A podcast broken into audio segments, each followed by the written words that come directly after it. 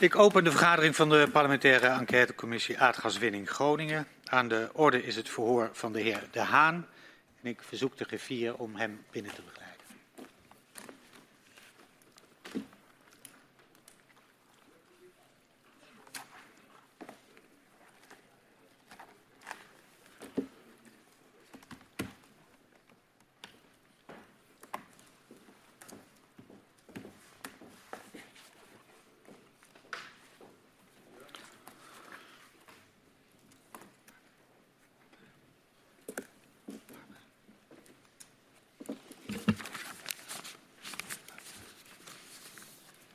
Welkom, meneer De Haan, hier bij de parlementaire enquêtecommissie Aardgaswinning Groningen. Geldt ook voor uw eh, begeleider, de heer Veldhuizen. 60 jaar gaswinning heeft Nederland veel gebracht, maar kent zeker voor gedupeerde schaduwkanten. De commissie onderzoekt hoe deze schaduwkanten hebben geleid tot het besluit de gaswinning in Groningen te stoppen. We willen weten hoe de besluitvorming op cruciale momenten is verlopen. Hoe werken publieke en private partijen samen bij de aardgaswinning? En we onderzoeken de aardbevingen en de ontwikkeling van kennis daarover, de afhandeling van schade die veroorzaakt wordt door de bevingen en het proces van het versterken van gebouwen in de provincie Groningen. U bent, meneer De Haan, eh, vanaf 2004 bij NAM verantwoordelijk voor het Groningenveld als asset manager. Um, en u bent ook uh, betrokken geweest bij de schadeafhandeling uh, tussen 2016 en 2019. Meneer De Haan, u wordt gehoord als getuige en dit verhoor vindt plaats onder uh, Ede. U heeft gekozen om de belofte af te leggen uh, en de gehele waarheid en niets dan de waarheid te vertellen. En ik verzoek u om even te gaan staan. En mij na te zeggen, dat beloof ik. Dat beloof ik. Dan mag u weer gaan zitten. En daarmee staat u nu onder Ede. Het verhoor met u zal worden afgenomen door uh, collega Van der Graaf uh, en mijzelf. En Barbara Katman zal mogelijk op het eind ook nog enkele vragen stellen. Ja? Ja. Dan gaan we beginnen. Meneer De Haan, uh, u was tussen 2002 en 2019 werkzaam bij NAM. Vanaf 2004 was u voor bijna 13 jaar asset manager van het Groninger Gasveld. Eind 2016 stapte u over naar het aardbevingenteam van NAM. En raakte u nauwer betrokken ook bij de schadeafhandeling en de versterkingsoperatie.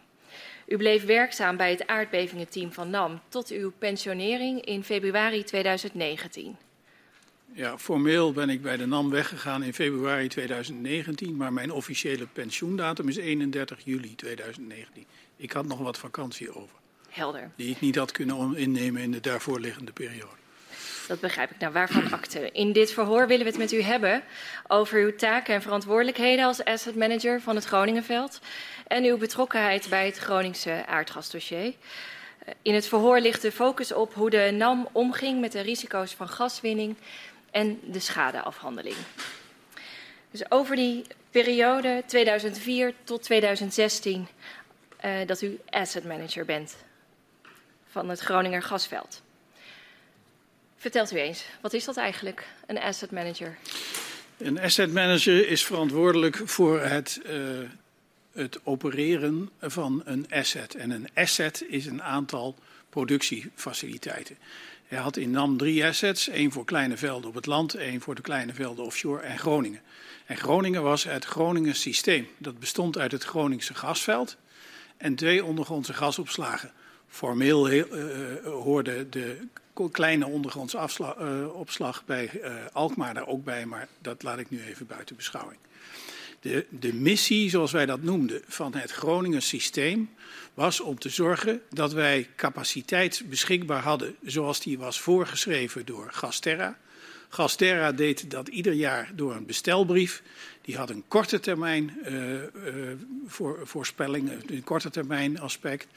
Dat was voor één jaar vanaf het jaar daarop. En die was zeg maar uh, verplichtend.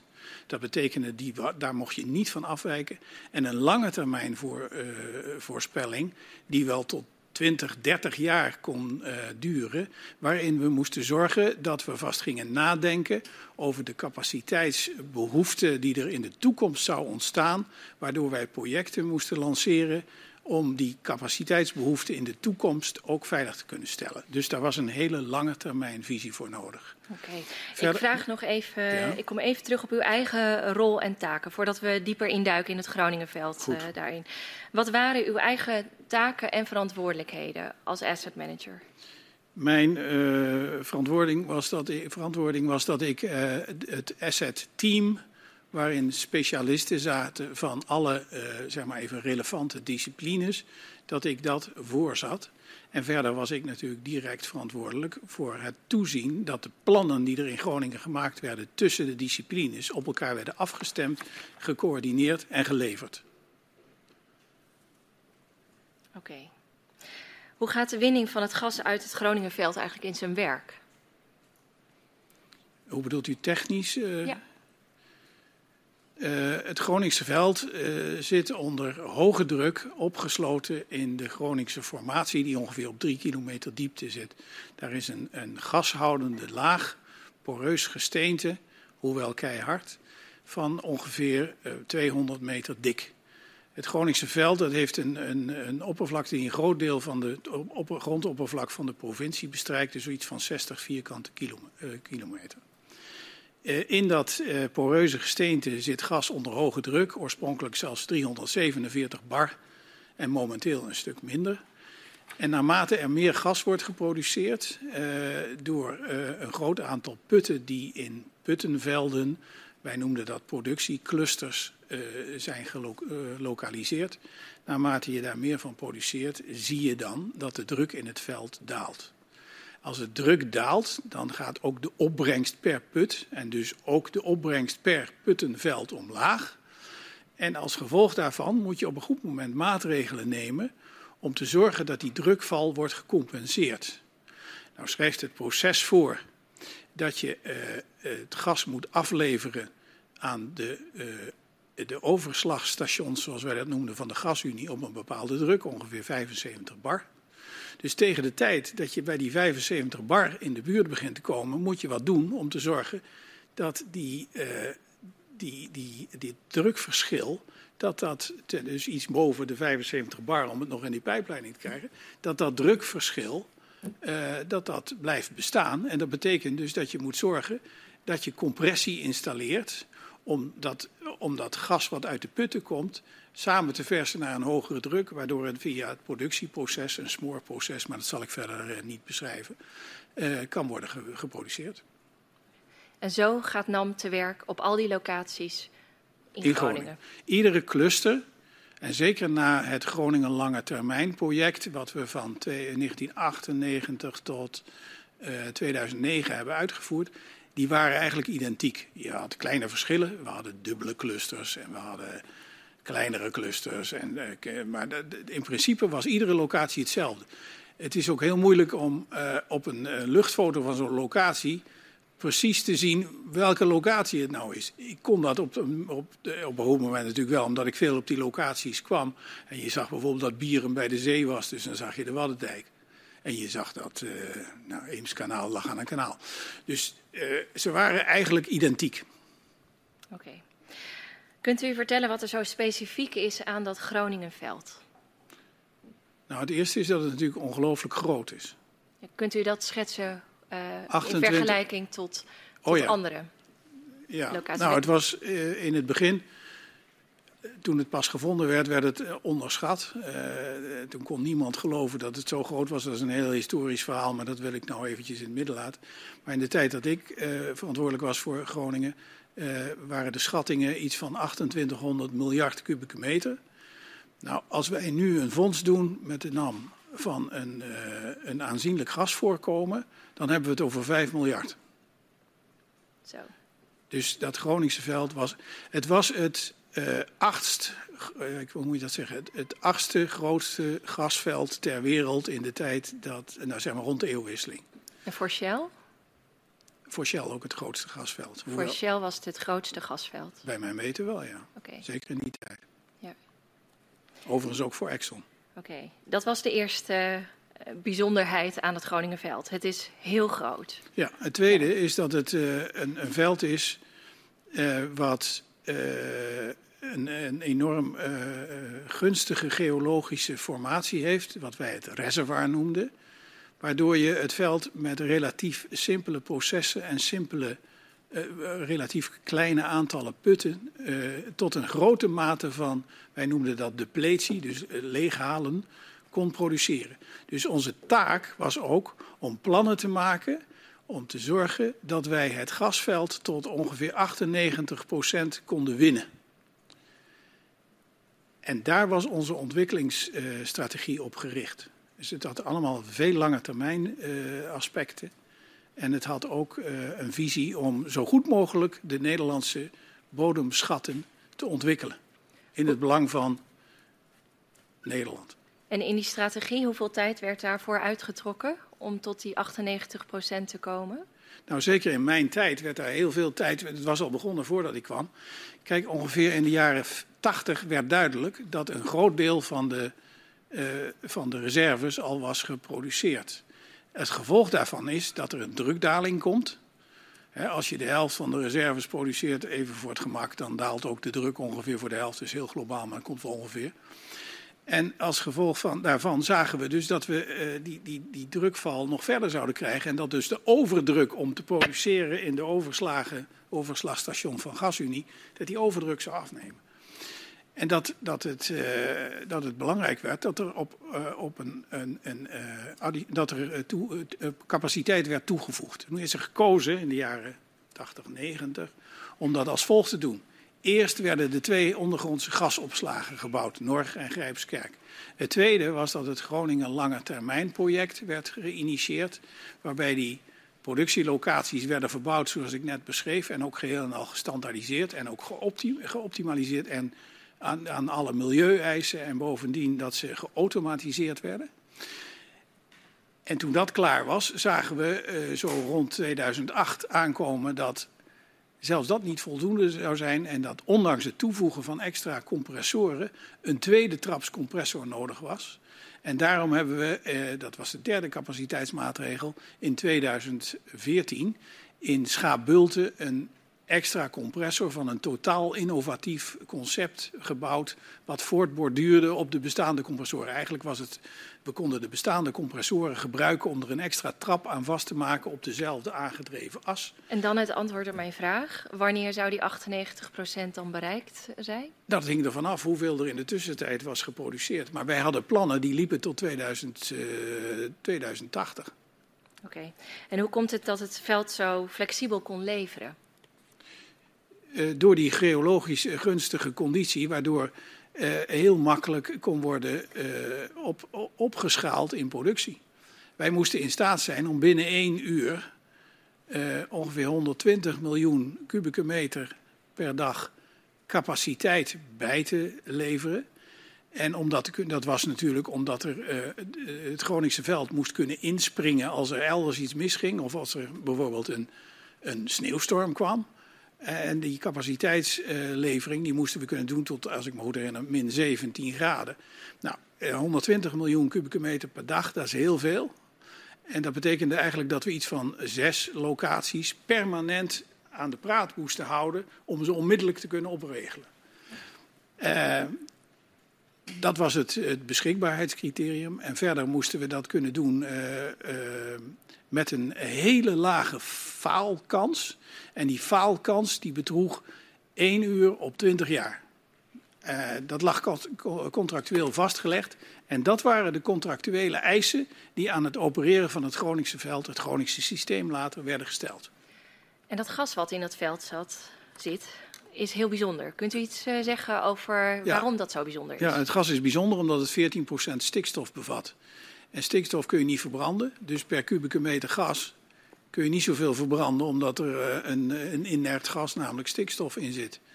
Dus de calorische waarde, zoals we dat noemden, van het Groningse gas was lager. En daarom was ook de. Uh, nou, laat ik even zeggen. Toen het Groningse gasveld was ontwikkeld, was het duidelijk dat er op dat moment uh, weliswaar gas werd gebruikt, uh, maar op hoogkalorisch gas, zoals we dat noemden, dus zonder die stikstofbestanddelen. En uh, dat de verbrandingsinstallaties die daarvoor gebruikt waren, waar bijvoorbeeld fornuizen in huizen en verwarmingsinstallaties, et cetera, dat die met die branders dat gas niet aankonden. Dus toen is in heel Nederland zijn alle huishoudelijke afnemers, ik herinner me dat nog van bij, bij mij thuis, die zijn veranderd. En toen zijn er andere brandersystemen gekomen. Wij kregen een andere centrale verwarming thuis en een ander fornuis en zo. Dus dat herinner ik me heel goed. Oké. Als vergunninghouder van het Groninger gasveld gold voor de NAM ook een algemene zorgplicht. NAM is verplicht om maatregelen te nemen om te voorkomen dat de veiligheid wordt geschaad of dat er schade ontstaat door bodembeweging. Kunt u in uw eigen woorden aangeven wat die zorgplicht in de praktijk betekende? Ja, ik ben geen jurist, dus ik wil over de finesses van de zorgplicht niet zoveel zeggen. Maar over het algemeen, hoe er ermee omgaan, kan ik wel vertellen. En ook hoe ik er persoonlijk mee omga. Vertelt u dat? Nou, Um, als je ziet dat er uh, iets gebeurt waarvan je uh, je afvraagt uh, of je wat moet doen, zoals bijvoorbeeld de huizingenbeving, dan moet je maatregelen nemen. Je, je, je, moet onderzoek doen als je de maatregelen niet meteen kunt nemen op een afdoende wijze, zoals na Huizingen het geval was. En tenslotte, als je die maatregelen niet afdoende vindt en het probleem daarmee niet afdoende kunt oplossen, dan moet je ook communiceren wat er aan de hand was. Ik geef een voorbeeld. Uh, direct na Huizingen zagen we dat de, uh, het aantal schademeldingen on, uh, duidelijk veel hoger lag dan bij de zware bevingen die er tot die tijd waren gebeurd. Daar schrokken wij natuurlijk van. Dus wat we gedaan hebben is in eerste instantie hebben we onderzocht of de, de, de type meldingen of die afweken van de meldingen die we voor Huizingen uit andere aardbevingen hadden gehad. Ik heb toen gevraagd, om, we hadden een gebouwenschaderapport ontwikkeld uh, of laten ontwikkelen. Uh, dat niet door NAM, NAM stond er helemaal buiten, het gebouwenschaderapport. en daar, heb ik de auteur van het gebouwenschaderapport ge gevraagd om eens te kijken naar de eerste 250 meldingen die we na Huizingen hadden, bezig, die we hadden ontvangen. En toen heb ik hem gevraagd om te kijken of die in die meldingen en de beschrijving van de schade in die meldingen een afwijkend patroon zag van wat we tot dusver gehad hadden. En dat was niet het geval. Desalniettemin waren er natuurlijk heel veel meldingen. Dus daar moesten we wel wat mee doen. Een andere stap die we toen hebben genomen. Uh, uh, was dat we uh, onmiddellijk uh, onderzoeken zijn gestart die, uh, zoals ik van de week hoorde, in feite ook in parallel uh, aan, aan, NAM bij het staatstoezicht zijn aangevoerd. Dus we hebben gekeken naar de veronderstellingen die er op dat moment waren gemaakt over de befaamde M-max, de maximale magnitude, die op dat moment op 3,9 op de schaal van Richter lag. En we hebben gekeken of, of we de uh, uitgangspunten voor het specificeren van die MMAX, of we die begrepen. Ik uh, onderbreek u eventjes, want wij uh, vliegen nu al naar 2012 in Huizingen. Maar mijn vraag was, hoe gaat u om met die zorgplicht? U zegt, we moeten maatregelen nemen. Als dat niet kan, moeten we onderzoek doen. en als we het daarmee niet kunnen oplossen, dan moeten we dat ook gaan vertellen. Even mijn samenvatting. Heb ja. ik u zo goed weergegeven? Ja, dat is het ongeveer. Ja. Oké, okay. dank u wel. Dan gaan we nu even door op uh, ja, het vaststellen van de hoeveelheid gas dat gewonnen wordt. Ja. Daar zei u al in het begin wat over. Uh, u krijgt een bestelbrief van Gasterra. Kunt u even uitleggen hoe dat proces precies in elkaar zit? Ja, uh, ieder jaar kreeg de NAM van Gasterra de zogenaamde bestelbrief. Die had een, voor een, een, een een capaciteitsvoorwaarde voor het komende jaar. Dus in november uh, eh, 2008 kreeg je een bestelbrief waarin stond wat er aan capaciteit verplicht moest worden kunnen geleverd in 2009. En het had die lange termijnvisie die ik net vertelde. Uh, die, die Gasterra moest dat ook doen. Gasterra had inzicht in de markt. Die wist wat alle contracten waren die er voor levering waren afgesproken. Gasterra wist dus uh, wat de, de marktbehoefte was. En voor NAM was dat geen overweging, daar hadden wij geen enkel inzicht in. Wij moesten zorgen dat die capaciteit er was. En uh, dan kon Gasterra dat verder vermarkten. En die capaciteit, dat was dus de drijvende, de drijvende uh, factor voor het opereren van het Groningen systeem. En die bestelbrief, was dat een eenmalig moment in het jaar? Of werd er ook gedurende het jaar uh, afhankelijk van misschien wisseling in de vraag, aanpassingen aangebracht. Nee, die bestelbrief die kwam ieder jaar november. Dat was altijd een spannend moment. Maar er werd natuurlijk wel uh, naartoe gewerkt. Hè. Er was ja. natuurlijk wel overleg uh, tussen Gasterra en de NAM. Uh, om uh, te zien of de uitgangspunten die er over die bestelbrief waren, die, die, die in die bestelbrief hadden geresulteerd, of die in de praktijk waar, waar waren. Ja. Dus er werd, ik geloof dat we formeel vier keer bij, per, per, jaar bijeenkwamen, werd er wel gekeken van was dat nou goed wat we hebben besteld of niet? Is het meer of is het minder? En wat zijn de, dat was ook nodig om aanpassingen te kunnen maken voor het daaropvolgende jaar. Dus als er een jaar was waarin weer meer werd geproduceerd. Dan moest, dan moest de NAM aangeven wat dat betekende voor de capaciteitspositie. Uh, en Gasterra moest dan kijken wat dat betekende voor de, uh, de gasverkooppositie. Ja. Maar daar had ik geen enkel inzicht in. Nee. Uh, en u in die periodieke overleggen ter voorbereiding op zo'n bestelbrief ging het meer over de vraag: is NAM in staat om die capaciteit op dat moment in de tijd te leveren? Dan uh, of het wel verstandig was om op die capaciteit uh, in te zetten. Moet ik dat zo verstaan? Ja, wij, het was mijn verantwoordelijkheid om te zorgen dat wij die capaciteitsindicatie gaven. Ja, ja.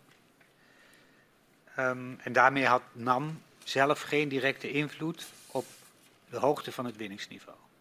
Nee. Oké. Okay. Dat was voor mij ook altijd afwachten. Ja. Ik kon, het was ook lastig. Dat is ook het lastige punt van het uitleg. Ik ja. kon niet aan het begin van het jaar zeggen: we gaan dit. Kijk, bij een normale operatie van een normaal gasveld. Eh, kun je aan het begin van het jaar zeggen: dit is mijn productietak en dan ga ik naartoe werken. En dan kun je pech hebben dat je een shutdown of een storing hebt, wat dan ook. Maar dan werk je naar een target toe. Ik werk niet naar een target toe. Wij werkten toe naar een situatie waarin die capaciteit beschikbaar was. En wat er dan van werd, dat ja, dat zagen we gedurende het jaar. Je rapporteerde het wel per maand, wat er geproduceerd was. Dat rapporteerde ik intern binnen de NAM. En dat werd ook gerapporteerd ja. uh, aan de aandeelhouders. En zo zag je dus dat in bepaalde jaren bleef die productie achter bij het plan wat, uh, wat we gemaakt hadden naar aanleiding van de voorspelling van capaciteitsafname ja. door uh, Gasterra. En los even van de beschikbare cap capaciteit voor het jaar. Uh, als het dan op dagbasis ging, wat daadwerkelijk werd gevraagd, hoe, hoe werd die informatie uitgewisseld? Ja, er was dagelijks overleg tussen de, uh, de, zeg maar even de Gasterra-controlekamer en de NAM-controlekamer. Dus daar werd gezegd, nou ja, op korte termijn, de komende 24 uur moet je zoveel beschikbaar hebben. Dat betekende dat wij dan wisten hoeveel van die productieinstallaties wij online brachten, om het zo maar te zeggen. En er werd met GasUnie uh, overlegd. GasUnie was, uh, ik, uh, dat was het transportbedrijf. Op welke overslag, we hadden vijf van die overdrachtspunten naar het netwerk van GasUnie. Op welke overslag we hoeveel zouden leveren. En dat zou dan bij elkaar optellen de bestelde capaciteit van Gasterra. Dan willen we stilstaan bij het risico van, op aardbevingen door gaswinningen in het Groningenveld. En hoeveel daarover voor de beving van 16 augustus 2012 uh, bij Huizingen bij NAM bekend was. Uh, welke signalen kreeg NAM voor 2012 over het risico op aardbevingen?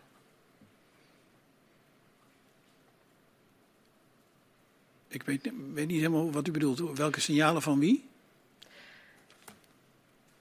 Ik vraag u, uh, hoe, uh, ja, wat voor signalen uh, waren bij NAM bekend over aardbevingen in Groningen voor die grote beving bij Huizingen? Nou, we hadden natuurlijk gezien, nou, we hadden, we hadden een, een prognose gekregen van KNMI dat er aardbevingen konden zijn en wat de, de, de maximale magnitude van was. Die prognoses die waren er al sinds het BOA-rapport van de jaren, begin jaren 90.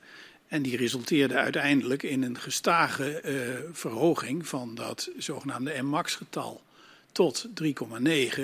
Uh, uh, nog gedurende de eerste tien jaar van deze eeuw. En welke onderzoeken verrichtte NAM zelf? Naar de maximale magnitude? Geen. Naar de seismische risico's? Nee, Wie wij... was daarvoor verantwoordelijk? De seismische autoriteit, zoals we dat noemden in Nederland, was KNMI. En daar gingen wij niet parallel nog eens onderzoek naar doen. Uh, onze geologen spraken wel uh, in uh, technisch platform aardbevingen met de geologen van het KNMI. Maar het KNMI was de seismische autoriteit. Wij hadden ook niet een specifieke aardbevingsafdeling of zo in de NAM. Dat waren onze geologen die de discussie met KNMI volgden. Ja. En hoe keek u voor 2012 aan tegen het risico op aardbevingen? Ik persoonlijk of de NAM? De NAM. Ja. Maar misschien heeft u daar zelf ook een opvatting over? Als die nee, ik heb daar geen opvatting voor, want ik ben geen geoloog. Dan vraag ik hoe de NAM aankeek tegen het risico op NAM, aardbevingen voor 2012. ja, de NAM volgde de, de, de prognose van KNMI. En dat was dat de, aardbevingen zouden worden begrensd tot 3,9 op de schaal van Richter. En wij hadden gezien dat 3,9 op de schaal van Richter betekende dat je grondbewegingen kon verwachten. Waarbij er uh, schade aan huizen kon ontstaan uh, die we op een bepaalde manier karakteriseerden, maar die in de praktijk erop neerkwamen dat er uh, oppervlakkige schade in huizen kon ontstaan, bijvoorbeeld scheuren in pleisterwerk en zo, maar niet schade die zodanig zwaar was dat hij een structureel onderdeel van een huis kon beschadigen, waardoor een deel of het huis helemaal zou instorten, waarmee gevaar zou ontstaan voor de bewoners die op dat moment in het huis waren. En in 2006 is er een zware beving bij Westeremden. Bracht hij daar nog verandering in? Nee, want iedere keer dat we die zware bevingen kregen, keken we natuurlijk naar de resultanten daarvan in de vorm van de schademeldingen die we binnenkregen. En die bleven vallen binnen de prognose zoals we die hadden gekregen. En welke maatregelen heeft NAM genomen op grond van het risico op aardbevingen? Wanneer? Ik vraag u dat in zijn algemeenheid. U heeft net verteld uh, dat er, hoe u omging met de zorgplicht. En uh, dat u dan maatregelen uh, moet nemen. Ik vraag u, er bestaat een risico op aardbevingen. Welke maatregelen heeft NAM genomen ja, voor 2012. Ja. Het risico op aardbevingen was op dat moment nog een risico dat er schade zou ontstaan aan huizen. Die overigens geen gevaar zouden vormen voor de bewoners, zoals ik net vertelde. En de, de plicht die NAM had, was om die schade binnen een redelijke termijn op te lossen. Meneer Roest uh, vertelde afgelopen dinsdag in zijn verhoor, uh, ik weet niet of u dat heeft gevolgd. Voor een deel voor een deel. Hij vertelde daar dat de gaswinning in 2007 relatief laag was. En hij vroeg zich af of dat was om aardbevingen te voorkomen. Kunt u uitleggen hoe dat zit? Ja, nee, nou, ik kan uitleggen hoe dat zit. Wij hadden eh, in 2007 hadden we een relatief warm jaar, waardoor er weinig gas werd afgeroepen. Uh, uh, door de, Gasterra werd verkocht, maar dat was geen moedwillige planning of zo. Wij, wij produceerden uh, als er capaciteit werd afgeroepen door Gasterra. Ik denk dat het, uh, ik weet het me niet precies te herinneren, maar ik denk dat het een relatief warm jaar was, waardoor er weinig werd verstookt in bijvoorbeeld cv's en dergelijke. En het had niets te maken met die beving? Absoluut niet. Uh, u zei net al iets over het KNMI. Dat, verantwoordelijk, of, dat het, of NAM is verantwoordelijk voor het meten van de bodembeweging en gebruikt daarvoor het meetnetwerk van KNMI. Um, wat is dan precies de relatie tussen NAM en KNMI met betrekking tot dat meetnetwerk? Het, is, het meetnetwerk is, is aangelegd na de BOA-studie in het begin. En dat is aangelegd in het begin, als ik me niet vergis, door Gasterra, of pardon, uh, door KNMI ja. zelf. Eh, na de beving van Huizingen, eh, toen we zagen dat de, de beelden toch wel eh, een beetje begonnen af te wijken van wat we op dat moment gewend waren, hebben we meteen na Huizingen hebben we het netwerk uitgebreid. Dat hebben we niet Want hoe zag het eruit voor Huizingen? Toen hadden we iets van, ja, ik weet niet meer precies het getal in mijn hoofd, maar we hadden ongeveer? toen een bepaald aantal, ongeveer 10, 15 uh, opnamestations. 10, 15 opnamestations? Ja, ik weet niet meer precies uit mijn hoofd. In die werden In de provincie Groningen? Ja, of boven het Groningen gasveld. Ja. En meteen na Huizingen hebben we daar een, een project voor gelanceerd. Eh, dat we toen maar zelf hebben uitgevoerd, eh, omdat we dat misschien uh, op dat moment wat sneller konden. KNMI was een kleine organisatie. En dat die, is door... die 10, 15 meting, meetstations of die opnamestations, wat was de kwaliteit van het meetnetwerk op dat moment?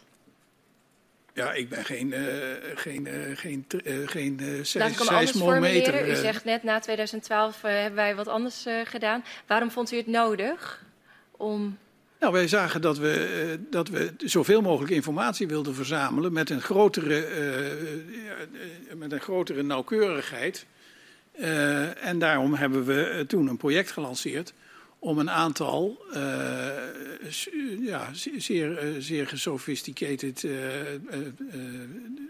opnameputten te doen. Dat waren ook putten die 200 meter diep waren, zodat je niet zoveel last had van oppervlakteruis zoals passerende vrachtauto's. En uh, ja, dat, dat, dat, waren hele mooie putten. En die hebben we toen, ik geloof dat er 15 waren of zoiets in die, buurt. Die zijn toen aangelegd. Dat heeft, uh, dat heeft de NAM toen gedaan. Voor, uh, maar onmiddellijk na aanleg overgedragen aan het KNMI. Ja, want NAM wilde dus meer weten en nauwkeuriger. Ja. want en, en, dus voor die tijd was er te weinig informatie over het Groningenveld en niet nauwkeurig genoeg. Kan ik dat ja, zo Een beetje het omdraaien van de redenering. Het is, uh... Ja, ik probeer uh, eruit te halen nee, wat, wij... wat, de kwaliteit is van het netwerk wat we tot op dan toe hadden. En waarin het in tekort nou, die was, die was afdoende, maar wij wilden het beter hebben. Ja. Wat heeft uh, NAM geprobeerd voor 2012 om dat meetnetwerk uit te breiden? Nou, na de oorspronkelijke aanleg uh, in begin jaren 90 uh, hebben we geloof ik nog één keer een uitbreiding gehad, maar dat weet ik niet meer precies. Ik was daar ook niet zo direct betrokken. Kijk, die, dat meetnetwerk behoorde niet bij mijn asset. Dat was een KNMI-asset. En die opereerde dat. En via de geologen en hun contacten met KNMI kwamen er, uh, kwamen er verzoeken om het uit te breiden. Of besloot NAM zelf om aan te bieden om het uit te breiden, zoals in 2012 het Het hoorde niet bij uw asset, het was een KNMI-asset, maar het stond wel op uw asset, het Groningen gasveld. Ja, maar niet noodzakelijkwijs op het terrein van de NAM. Oké, daar zat het onderscheid. Het waren niet mijn, mijn, mijn dingen. Nee, helder. Dank u wel. Ik, ik heb nog even één vraag, want u heeft net uitgelegd, 2007 was uh, een warm jaar. En dat verklaarde... Uh, ja, dat, dat vermoed ik. Oh, dat vermoedt u. Ja, maar goed, er is op dat moment was, minder gas. Er was minder gascapaciteit ja. afgeroepen. Ja, ja, en dat had niets te maken met het jaar daarvoor, 2006 waarin 40 bevingen waren en ook een zware beving bij Westeremde van 3,5 op de schaal van Richter. Ja, ik heb die suggestie ook gezien ja. of gehoord, maar daar werd niet ingegrepen. Ja. Ik heb gehoord dat iemand veronderstelde dat de NAM-directeur toen heeft ingegrepen, ja. maar de NAM-directeur die er toen was en die hiervan, uh, van wie verwacht werd dat hij dit deed, die was al weg. Ja. Dus daar werd niet actief ingebroken. Wij, wij, wij gaven geen wij kregen geen productieinstructie. Nee. Er werd capaciteit afgeroepen en als die geleverd werd, resulteerde dat in productie. Ja. Het is een heel moeilijk spel. En werd er in die begrijpen. periode ook al gekeken naar of het beperken van drukverschillen uh, misschien uh, de kracht of het aantal bevingen kon beïnvloeden? Jazeker, na die, dat is een, uh, dank u voor de vraag. Na 2016, of pardon, na 2006, toen die zware bevingen voor de tweede keer waren geweest, uh, besloten wij om onze productiestrategie zodanig uh, in te richten dat we de drukverschillen in de Groningse formatie, in het reservoir, dat we die zo gelijk mogelijk wilden spreiden. Met andere woorden, wij, onze operators hadden een instructie om de drukverschillen tussen de ene kant van het veld en de andere kant van het veld, om die zoveel mogelijk te minimaliseren. Dus wij waren er tegen 2010, 2012 in geslaagd om door selectief binnen de begrenzingen die we hadden van de leveringsvraag, om zo selectief mogelijk die drukverschillen te egaliseren, zodat er over de formatie geen drukverschillen zouden ontstaan, waardoor schokken in de formatie zouden ontstaan die aardbeving konden voorkomen. Dus om aardbeving te voorkomen was het belang, belangrijk om die drukverschillen in de formatie zoveel mogelijk te handhaven. En dat was een van de hoofdtaken van onze operators uh, productiemensen. Ik ga ietsje verder in de tijd. In 2009 dan voert uh, TNO in opdracht van het staatstoezicht op de mijnen een verkennend onderzoek uit naar de toenemende seismiciteit. En TNO concludeert dat preventieve maatregelen, en ik citeer, in specifieke gevallen het risico op trillingen kunnen verminderen. Over wat voor type pre preventieve maatregelen hebben we het dan? Dat weet ik niet, want ik ben uh, uh, geen uh, geoloog. Dus wat TNO daar precies mee beoogde, dat weet ik niet. Ik weet wel, en dat hebben we de vorige keer besloten voor ook over gehad, dat dat resulteerde in een brief van Jan van Herk aan mij. Ja. En waarom aan mij? Nou, de, de, zeg maar de communicatiegewoonte was dat uh, de inspecteur-generaal van de mijnen, dat die communiceerde met de directeur van de NAM en dat de afdelingshoofden in SODM communiceerden met de asset managers. Dus ik kreeg die brief als asset manager. En die brief, die heb ik, eh, omdat ik daar natuurlijk geen eh, expertise in had, die heb ik zoals dat wel vaker ging met dingen waar ik geen expertise, dat was eigenlijk de meeste. Maar dan, dan, stuurde ik die brief door aan de geologen van de NAM. En die keken daarnaar en die hebben daar een tijdje over gestudeerd. En die hebben toen gezegd, nou, wij kunnen, uh, wij kunnen wel onderzoek met TNO doen, maar wij zijn volop bezig om een verfijning van de Groningse uh, formatie, uh, onder, de, de formatietekeningen te maken. En laten we misschien dat eerst afmaken. Dan hebben we een beter uitgangspunt om te zien waar je wat kunt doen aan verbeteringen. Maar is het niet zo dat het SODM graag zag dat al op basis van de bestaande kennis gekeken nou zou worden welke specifieke maatregelen er genomen konden worden? Dat was mij in ieder geval niet duidelijk en daarom hebben we die brief beantwoord op de manier zoals we dat gedaan hebben. Ja. Uh, maar daar is toch ook weer een reactie op gekomen? Dat kan ik me niet herinneren. Dat kunt u zich niet herinneren? Nee, dat kan ik me niet herinneren. Nee. Maar bovendien, uh, SODM uh, was regelmatig in overleg met alle, uh, alle gasproducenten, ook met NAM. Dat was een technisch platform aardbevingen. Ja. En daar kwamen dit soort dingen aan de orde. En daar had dit makkelijk, uh, informeel dan wel formeel, nog even kunnen worden opgebracht. En als dat antwoord wat ik dan ondertekend heb niet adequaat was geweest, dan had ik daar graag een, een, andere, ja. een andere maatregel voor genomen. Maar die was mij op dat moment niet duidelijk in ieder geval. Want ik lees u even een stukje voor. Dat komt uit het openbare verhoor dat we eerder deze week hadden met de heer Roest. In 2010, en dit is een citaat, kwam een antwoord van NAM. Als TNO hier dan verder aan wil werken, dan kan TNO werken met een geactualiseerd geologisch model. En dat is af in 2012. Dat was voor ons een totaal onverteerbaar antwoord. Op zich zat daar een stuk redelijkheid in, dat je een model maakt en dat dat tijd kost. Maar het was heel urgent. En bovendien, het tweede element van de brief was, ja, dan kan TNO verder gaan. Maar dat is gewoon de taak van de mijnonderneming. Het is gewoon de wettelijke verplichting van de mijnonderneming om te werken aan het voorkomen en beperken van bevingen en het voorkomen en beperken van schade. Dat werd door NAM geschoven naar TNO. Dat was een totaal non-antwoord. Dat was wel dramatisch. Dat heeft de heer Roest eerder uh, deze week verklaard. Ja, dat heb ik nooit ge gezien in een antwoord van SODM op die brief die hem dit deed opmerken. Dus als hij dat dan zo gevonden had, dan waren er toch wel heel veel mogelijkheden geweest om dat kenbaar te maken. En ook niet de heer Van Herk, de leidinggevende van de heer Roest, heeft dat ook niet aan u doorgegeven? Nee, wij hadden jaarlijks overleg met uh, SODM. Uh, dan keken we naar de plannen die er in de assets waren en de veiligheidsprestaties van de assets. En dan keken we ook naar de lange termijn vooruitzichten voor uh, SODM en hun opzet om hun competentie te veranderen, dan wel te verbeteren. Daar had dit makkelijk kunnen worden opgebracht, maar dat kan ik me niet herinneren. Uh, in diezelfde periode zien we ook dat er ook gevraagd is om te kijken naar een soort verkeerslichtmodel. een soort later wordt dat ook wel hand aan de kraan genoemd. Maar in dit geval gaat het om de TACA.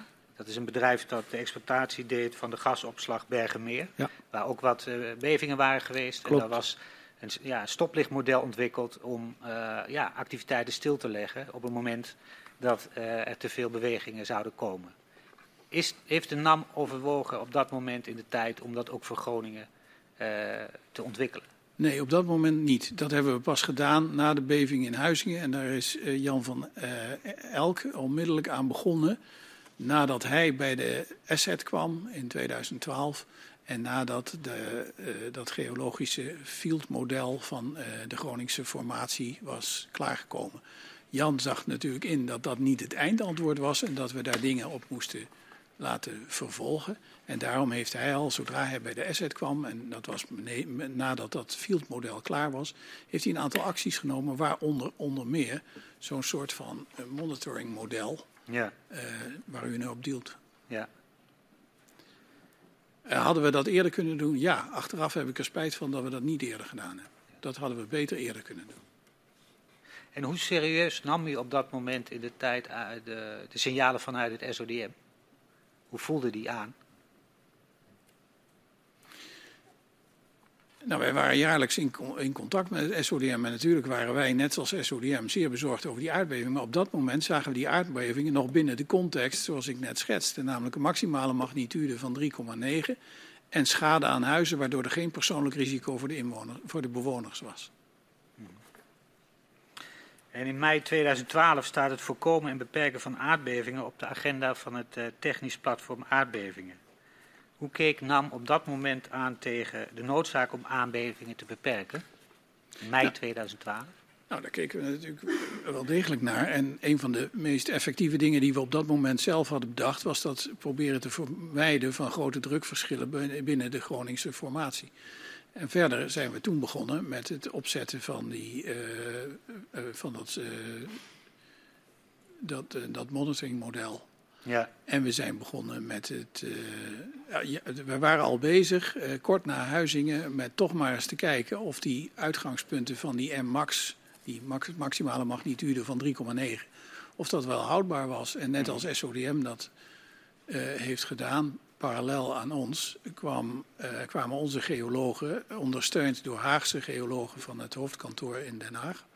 Of eigenlijk beter gezegd, de, de onderzoekslaboratorium in Rijswijk, mm -hmm. kwamen tot de conclusie dat de uitgangspunten van de uh, bepaling van die uh, maximale magnitude. dat die misschien niet helemaal terecht waren. Ja. Maar nog even, de heer Roest gaf ook aan, in dat TPA, waar eigenlijk alle exploitanten ook uh, met, uh, met hun uh, geologen bij elkaar kwamen, was het niet gebruikelijk om stil te staan bij de activiteiten van een van de operators. En hij deed een wat ongebruikelijke stap door ja, de, de, bevingen rond Groningen toch daar op de agenda te zetten. Leidde dat tot irritatie bij de NAM? Nou, ten eerste was ik niet betrokken bij dat, uh, die technisch platform aardbevingen. Daar zaten onze geologen in. Ja. En die rapporteerden dan terug, uh, waar ik ook inzage ja. in had, uh, wat er daar was besproken. Maar die, die rapporteerden dat primair terug aan de, de development afdeling. Want ja. dat waren de mensen die wisten wat er ondergronds gebeurde. Daar was ik als productiechef eigenlijk niet direct bij betrokken. Dus ik, ik kreeg waarschijnlijk wel een kopie daarvan. Maar ik wist niet zo goed of ik daar nou wat mee moest doen. Maar kwam het bij u uh, via collega's die daar wel bij waren binnen als een extra signaal? Ja, uh, de toezichthouder vindt echt wel dat we meer moeten doen dan we tot nog toe hebben gedaan. Nee, want dan had ik wel iets gedaan. Okay. Dus ik heb dat of verkeerd begrepen of niet gehoord of het is niet gezegd. Maar. Uh, Oké. Okay. Okay. We willen de gevolgen van de bodembeweging door de gaswinning voor de inwoners met u bespreken. Uh, welke signalen kreeg u over de gevolgen van aardbevingen voor inwoners? Nou, na die, zoals ik net uh, zei, na die, de eerste zware aardbeving boven drie in november 2000. Even kijken, drie. toen ik al begonnen was met het overnemen van mijn voorganger. toen heb ik meteen contact gelegd met de burgemeester van, van Loppersum. En uh, geconstateerd dat er in Loppersum uh, niet veel bekend was over de manieren waarop je schade kon melden en afhandelen. En daar hebben we toen in eerste instantie op gefocust om te zorgen dat de bewoners uh, beter werden gefaciliteerd in het doen van meldingen en het, en het behandelen van die meldingen en het compenseren van hun schade. Hoe pakte u dat aan? Hoe, hoe stelde u daar bewoners van op de hoogte? Daar hadden we een folder voor die we toen hebben geactualiseerd. En waar lag die folder? Die lag op het gemeentehuis bijvoorbeeld. Daar hebben we voor gezorgd. Die lag trouwens op alle gemeentehuizen van alle gemeentes in Groningen. Werden ze ook huis aan huis bezorgd? Niet dat ik mij kan herinneren. Misschien in sommige wijken, bij sommige gelegenheden wel, maar dat kan ik me niet echt herinneren. Hij lag in ieder geval op die gemeentehuizen. En hoe schatte NAM de risico's voor bewoners in? Dat is, dat, de risico's voor bewoners waren zoals ik net zei. Uh, er kon schade ontstaan aan huizen, maar niet in die mate dat die huizen daar structurele schade van ondervonden, waardoor de bewoner gevaar liep. En uh, welke rol speelden schademeldingen van bewoners uh, daarbij? De schademeldingen van de bewoners die kwamen binnen bij de NAM in de afdeling vergunningen en grondzaken. En die was verantwoordelijk voor het uh, behandelen van, uh, van die uh, meldingen en het oplossen daarvan. En die, die, die afdeling die had daarvoor een bureau ingeschakeld waarin experts zaten die dan een opname deden van de schade en een schikkingsvoorstel voorbereiden voor compensatie van die schade. En die werd dan voorgesteld aan de bewoner. En daar werd dan een overeenkomst voor opgemaakt die de bewoner tekende. En wat voor soort schades traden op? Dat waren schades aan de gebouwen uh, waarvoor een melding was gedaan. Wat voor schades? Dat waren veelal uh, scheuren in pleisterwerk, uh, scheuren ook wel soms in muren. En het probleem daarvan was dat we vaak tegenkwamen dat er scheuren in muren waren ontstaan die niet direct het gevolg zouden zijn van een beving, maar ook van verzakking. En dat scheiden daarvan en wie neemt er nou welke verantwoordelijkheid waarvoor, dat was op dat moment lastig. Ja. En welke maatregelen heeft NAM genomen om schade door bodembeweging te beperken? Vooral door te proberen te voorkomen dat die bevingen ontstonden. En dat was dat productie, uh, die productie-ingreep waar die, die drukvereffening proberen te uh, bewerkstelligen. En uh, hoeveel, om hoeveel schades gaat het ongeveer in de periode tot aan 2012? Tot aan 2012 kregen we bij een zware, zware aardbeving tussen de 100 en 200 bevingen, pardon, meldingen. En die losten we dan tussen de 1 en 2 jaar nadien op. Met een compensatievoorstel. In 2003 en in 2006 uh, vinden er zwaardere aardbevingen plaats. U noemde 2003 zojuist zelf ook al. Ja. Na die aardbevingen vinden er ook bewonersbijeenkomsten plaats. Daar gaat u ook naartoe. Uh, NRC schrijft over een bijeenkomst in 2003 dat de zaal gevuld was met ongeruste en geëmotioneerde bewoners. En schrijft vervolgens. Uh, wat volgde was een anderhalf uur lange technische uiteenzetting met grafieken en statistieken. Kunt u zich dit herinneren en hoe kijkt u daarop terug? Ja, zeker kan ik me dat herinneren, want ik zat in de zaal. Ja. Ik werd daar ook aangesproken. Ik was daar zichtbaar. Ik had toen nog een NAM-das voor. En met mijn NAM-stropdas, die nogal opvallend was, uh, was ik duidelijk herkenbaar. En bewoners kwamen ook naar mij toe. Uh, overigens niet noodzakelijkerwijs om te zeggen hoe erg het was. Ik herinner me dat een mevrouw mij aanklampte en die zei... ja, er zitten daar een paar boze boeren boven in de zaal die nogal wat lawaai maken. Maar meneer, weet u wel hoe dat hier zit? Hoe boerderijen zijn gefundeerd. En wat zei en, u dan? Nou, ik luisterde daarnaar. Ik leerde daarvan. Wat heeft u ermee gedaan met die signalen? Met die signalen die heb ik later nog eens besproken met de burgemeester. En gezegd, wat was dat nou precies en uh, kunnen we daar wat mee? En dan zei hij, ja, die boeren die zijn boos. Maar het probleem van boerderijen, dat lag veel dieper. Want dat had ook vaak te maken met de grondwaterstand en de aanpassingen die door het waterschap werden gedaan. En waar boeren invloed via hun boer-LTO-vertegenwoordigers invloed op hadden.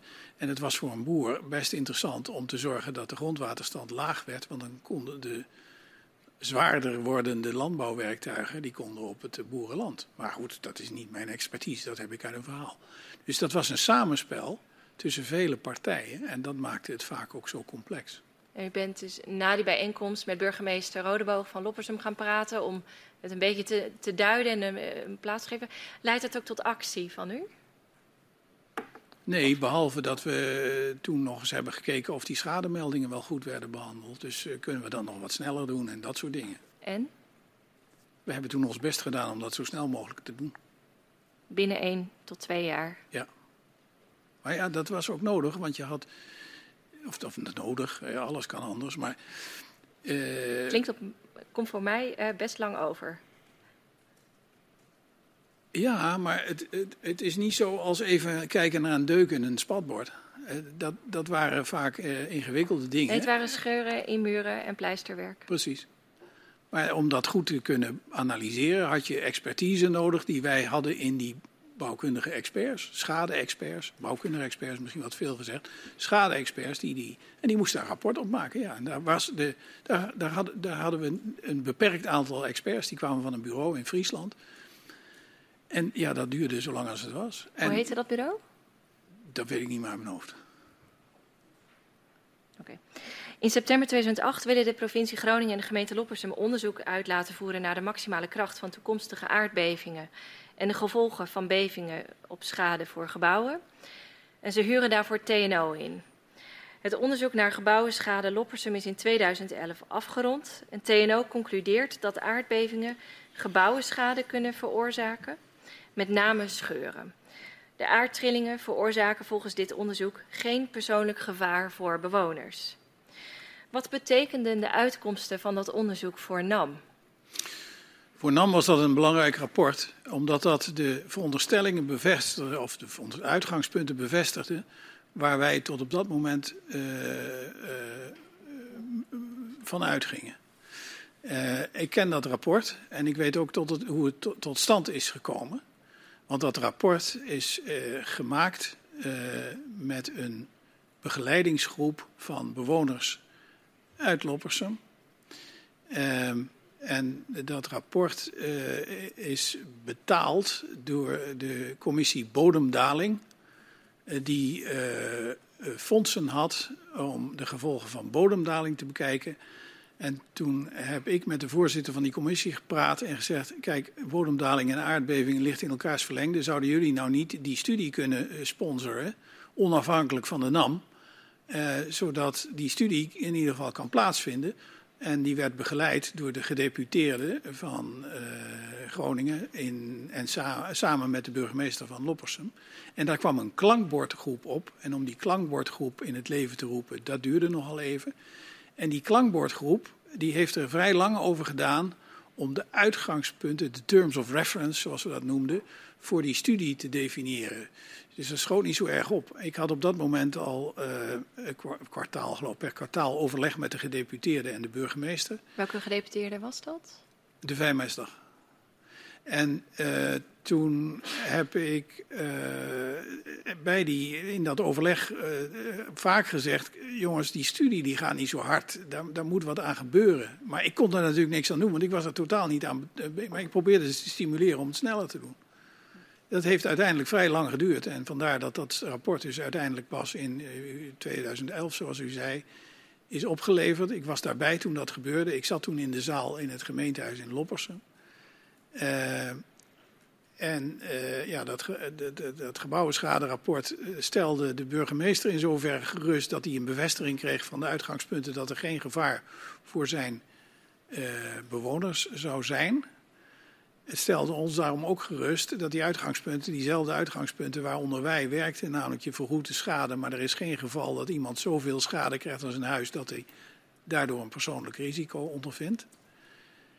Uh, maar het, uh, de begeleidingsgroep was intussen teleurgesteld in, uh, in die studie.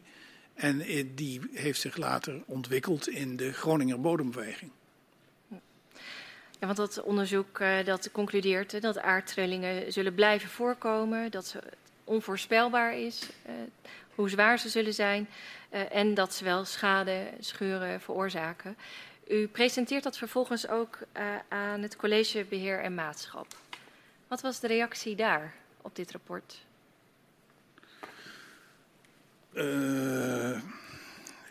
Nou, ik denk eh, dat het college uh, dacht, ja, dat is uh, een bevestiging van de, uh, de, de, aannames die we tot nu toe gedaan hebben. En ja, die waren daar op zich natuurlijk ook wel verheugd over.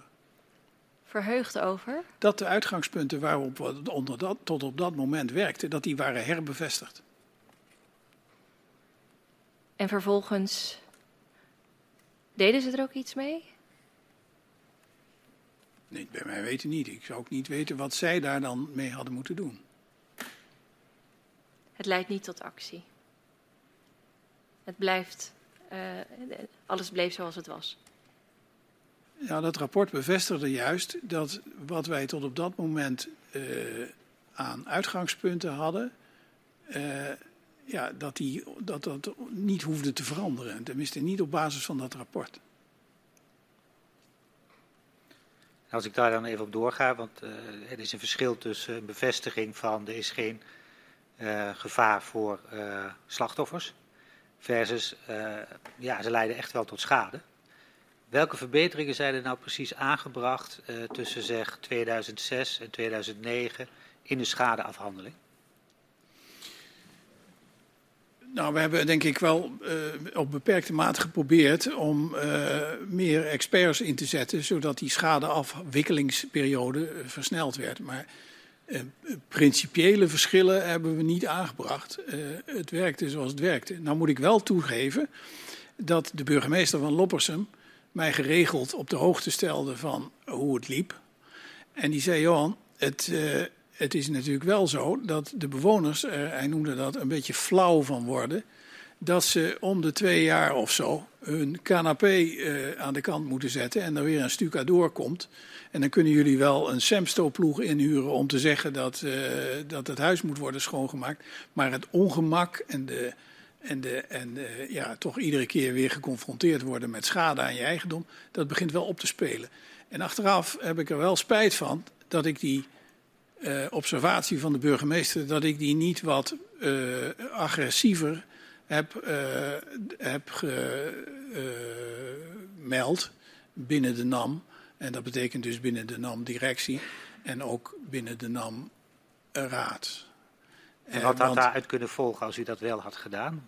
Wat voor stappen waren dan wellicht mogelijk geweest? Nou, dat had er misschien toe geleid dat, dat, dat men. Kijk, op dat moment wisten we niet zo goed wat we ermee moesten doen. Dus we dachten schadeafhandeling, schadeafhandeling. Maar dan hadden we kunnen zeggen: Nou, die schadeafhandeling die begint hoe langer hoe minder adequaat te worden. En misschien dat we daar toch eens fundamenteel anders over moeten denken. Misschien dat we zelfs op dat moment al uh, de, de verziende uh, conclusie hadden durven trekken. dat schadeafhandeling uh, eigenlijk principieel uh, lastig uh, ligt bij de veroorzaker van de schade, namelijk de oliemaatschappij. Omdat? Nou, dat, dat, dat, is wel gebleken wat er daarna gebeurde. En met name na Huizingen. Dan krijg je de verhalen van waarom doet de NAM dit eigenlijk? Ja, en ja. wat is dat nou? De NAM die keurt zijn eigen, de slager keurt zijn, ja. keurt zijn eigen vlees, et cetera, et cetera. En die ertoe geleid heeft dat de NAM uiteindelijk hoe langer hoe meer uit het schadeafhandelingsproces is getreden. In hoeverre werd u in die periode, is nog voor Huizing ook wel, geconfronteerd met uh, ja, een quote die een woordvoerder Frank Duut van de NAM ooit had uh, uh, gebruikt. Ik citeer: Mensen komen met de gekste verhalen aan onder het motto: baat het niet, dan schaadt het niet. Ze willen gewoon dat de NAM het opknappen van hun huis betaalt. Werd u daar vaker mee geconfronteerd, dat die uitspraken waren gedaan? Ik werd wel eens geconfronteerd met uitspraken van de woordvoerder van NAM uit de jaren negentig. Ja. Uh, die nogal op, uh, uh, ja, mijn, mijn woorden, een beetje een lompe manier zich uitliet over wat inwoners van op dat moment met name Drenthe overkwam na de bevingen die er ook in Eleveld bijvoorbeeld plaatsvonden. Ja.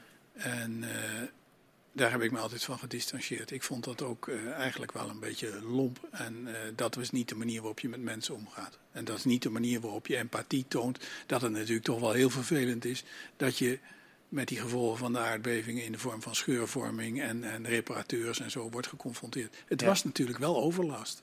Ja. En u zei net, uh, ik heb er wel wat spijt van dat op die signalen van de, de burgemeester van Loppersum ik niet meer actie heb uh, ondernomen of dat heb doorgemeld. Nou, het probleem. Pardon. Ja, en mijn vraag is eigenlijk, uh, want u refereerde net ook al aan de oprichting van de Groninger Bodembeweging. Was dat niet ook een signaal dat het met die schadeafhandeling niet op orde was? Jazeker. Uh, het was in ieder geval een signaal dat er ontevreden bewoners waren. En die konden dat ook vrij eh, expliciet uitleggen. En dat hebben ze mij ook wel gedaan. Want ik kende de Groninger Bodembeweging wel. En ik had ook wel eens eh, overleg met ze, hoewel niet direct. Dus ik kwam ze er tegen. En, uh, ja, en, en, met name Jelle van de Knoop, de latere voorzitter. Die ja. kwam ik vaak tegen bij bewonersbijeenkomsten. En vaak ook dat we uh, tegen elkaar werden opgesteld. Dus dat uh, mij werd ver verzocht om iets te vertellen over aardbevingen waar die ontstaan waren. En dat Jelle dan ofwel interrumpeerde, dan wel ja. een eigen bijdrage leverde in de vorm van, nou het kan allemaal wel zo zijn, maar wij willen dat er beter wordt geacteerd op schadeafhandeling. Nou, dat, dat gaf bij u niet het setje, uh, al luisterend naar de heer Knoop, ik ga het toch nog eens een keer agenderen bij de directie en bij de maatschap. Nou, dat hoefde ik niet bij de directie te agenderen, want die Groningen Bodemweging die was wel zo vocaal dat dat in de hele NAM bekend was. Ja. Maar dat leidde niet tot een onderlinge discussie. We gaan die schadeafhandeling wat fundamenteler eh, op een andere manier aanpakken. Nou, vrij kort daarna kwam Huizingen. En vrij kort daarna hebben we natuurlijk wel degelijk eh, allerlei opschalingsmethodes proberen te, te, te realiseren. Door te zorgen dat de, de, ja. de, capaciteit van de afhandeling drastisch omhoog ging. Ja, maar Eerst... dat is al, dat is al uh, na de zomer van 2012 en de oprichting van de bodembeweging is in 2009.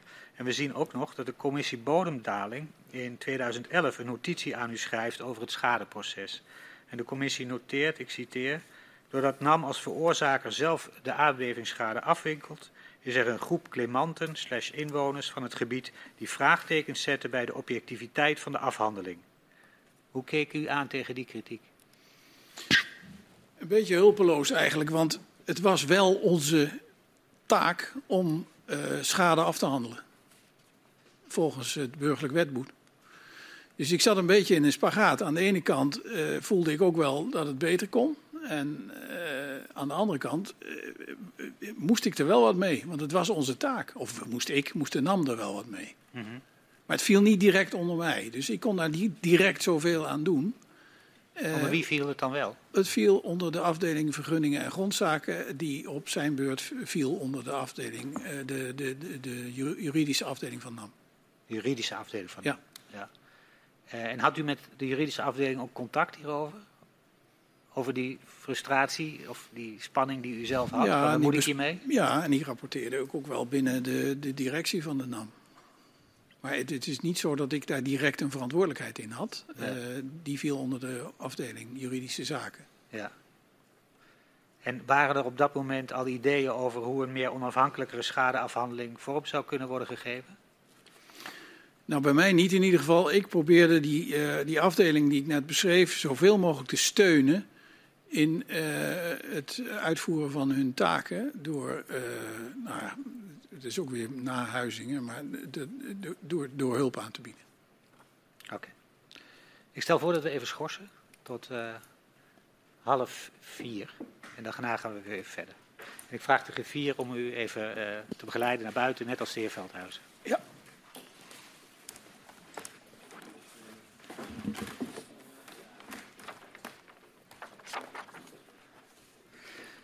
Ja, zoals ik al aankondigde, ik schors de vergadering en we gaan om half vier uh, verder.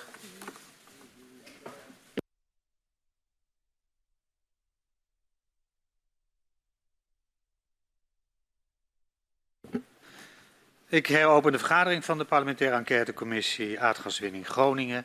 We gaan verder met het verhoor van de heer De Haan en ik verzoek de griffier om hem weer even naar binnen te begeleiden.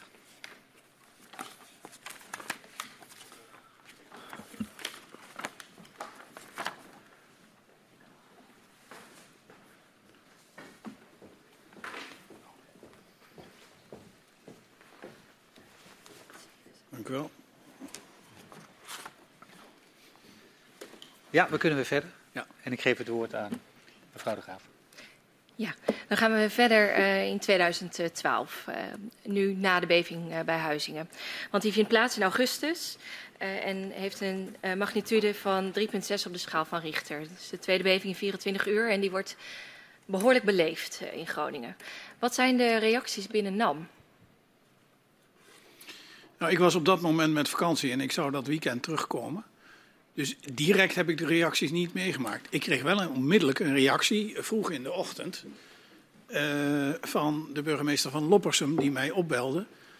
En zei, Johan, er is hier een zware aardbeving gebeurd. Het uh, veroorzaakt veel onrust en er is ook veel publiciteit. Dus ik ga zo dadelijk een interview in met de nationale tv, geloof ik. Nationale media in ieder geval. En ik zou je verzoeken, kun jij, eh, ondanks het feit dat je met vakantie bent, kun jij naar de NAM doorspelen dat dit speelt en dat er verstandig zou zijn dat de NAM ook een reactie geeft. En wat uh, vond u daarvan? Hoe reageerde u daarop, op burgemeester nou, Rodeboog? Nou, met burgemeester Rodeboog had ik natuurlijk zo langzamerhand een, een, een werkrelatie gekregen door de eerdere aardbevingen. En ik heb natuurlijk onmiddellijk aan zijn verzoek gevolg gegeven door uh, de communicatieafdeling in de NAM te bellen. Het was vroeg in de ochtend, dus die waren er. Uh, en te, dat verzoek over te brengen.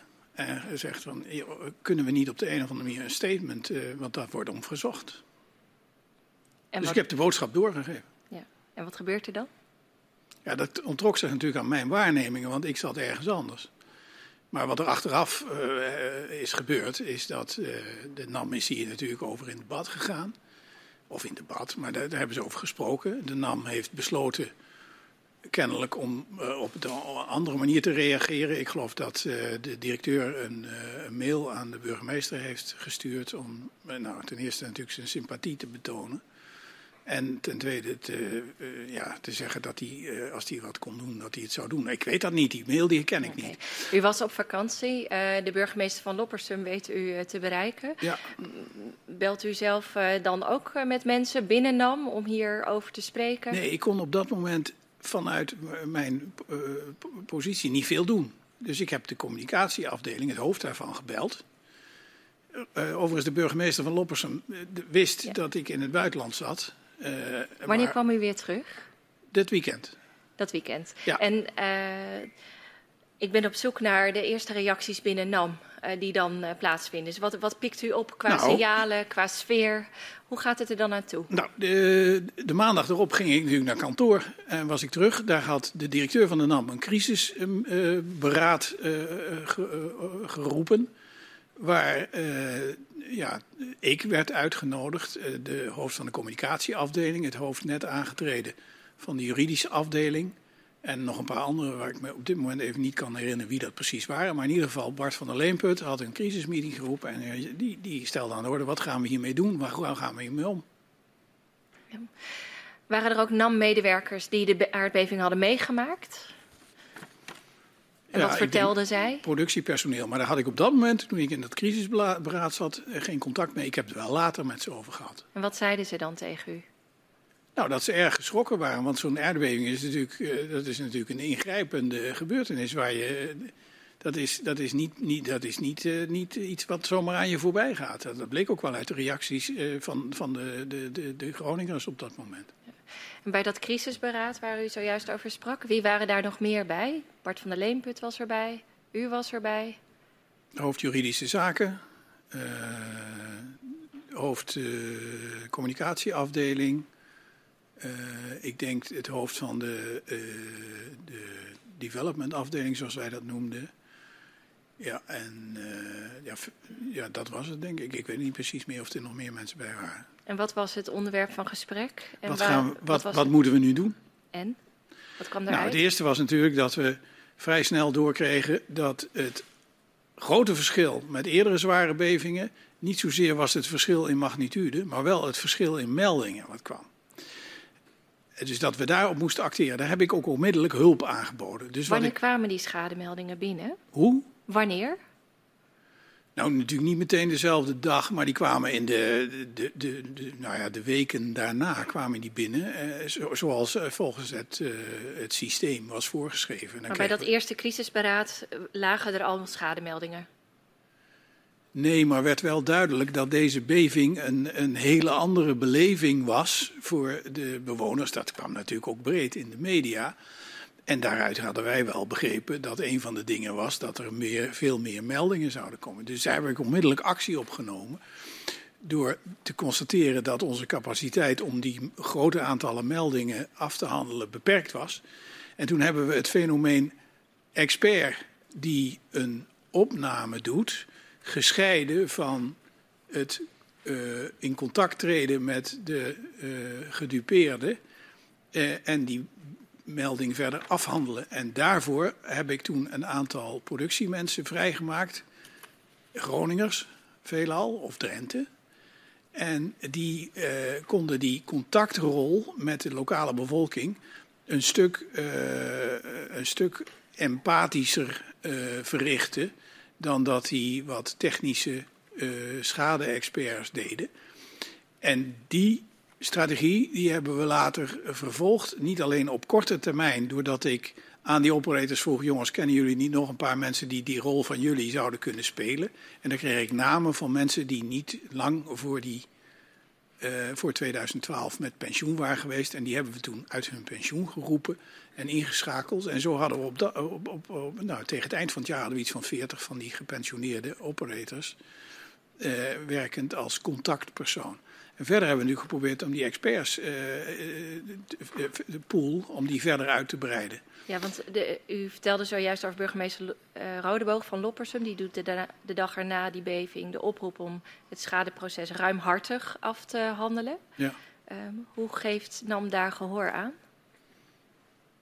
Nou, we hadden op dat moment niet het schadeprotocol zoals dat later ontwikkeld is. En zoals er ook andere versies van een schadeprotocol waren. Maar in de praktijk hebben we toen gezegd. Uh, als die schade er duidelijk is, en dan moet je niet heel lang gaan zitten delibereren of het nou wel of niet precies volgens de regels is. Los het op. Uh, en, en, eh, maar als het. Ja, los als, het op. Los het op. Dat en, was uh, ja, los het, het op. Okay. Los het op en niet ja, als er iets is wat oh, ja, vrij duidelijk niks met een aardbeving te maken heeft, maar bijvoorbeeld het gevolg is van een verzakking of van een eerdere schade, ja, dan moet je het niet doen. Want je kunt ook niet gewoon maar uh, alles doen, want dat corrumpeert het systeem ook. Dus los het op, dat was het devies. Dat was het devies. En in september past, u het, past NAM het schadeproces aan. En uh, u gaf, uh, op, dan vraag ik u, op welke punten werd dat schadeproces toen aangepast? U heeft net al iets gezegd over, er komen er allemaal experts als contactpersoon. Wat gebeurt er nog meer? Nou, ik was bij die protocollen meestal niet betrokken. Maar wat ik me wel herinner is dat we toen uh, de A, B en C schadedefinitie hebben gedaan. A is direct toe te, toe te wijzen aan de gevolgen van een uh, aardbeving. B was, nou, niet helemaal zeker te zeggen, maar weet ik niet. En C was het, de laatste categorie die ik net beschreef. Ja, dat heeft onwaarschijnlijk niets met een aardbeving te maken. En dat doen we niet. Maar dat soort meldingen met C-schades, die kregen we eigenlijk in het begin helemaal niet. Op de C-schades uh, kom ik straks uh, nog terug. Ja. Ik ga even over die eerste dagen naar Huizingen en de aanpassingen die dan worden gedaan. U zegt net, er komen contactpersonen. Die komen in dat najaar, hebben we er een hele pool. Um, uh, en er komt de mogelijkheid om een contra-expert aan te stellen op kosten van NAM. Waarom kiest NAM daarvoor? Dat was pas later. Daar kiest NAM voor omdat er weerstand was dat de experts niet acceptabele opnames deden. En, en, toen hebben we gezegd, nou ja, dan, dan, dan kunnen we een contra-expertise laten uitvoeren. Zoals dat bij schadeafhandeling op andere vlakken niet ongebruikelijk is. Klopt het dat NAM in de maanden na Huizingen schades ruimhartig en coulant wilde afhandelen? Dat klopt. En waarom wil uh, NAM dat doen?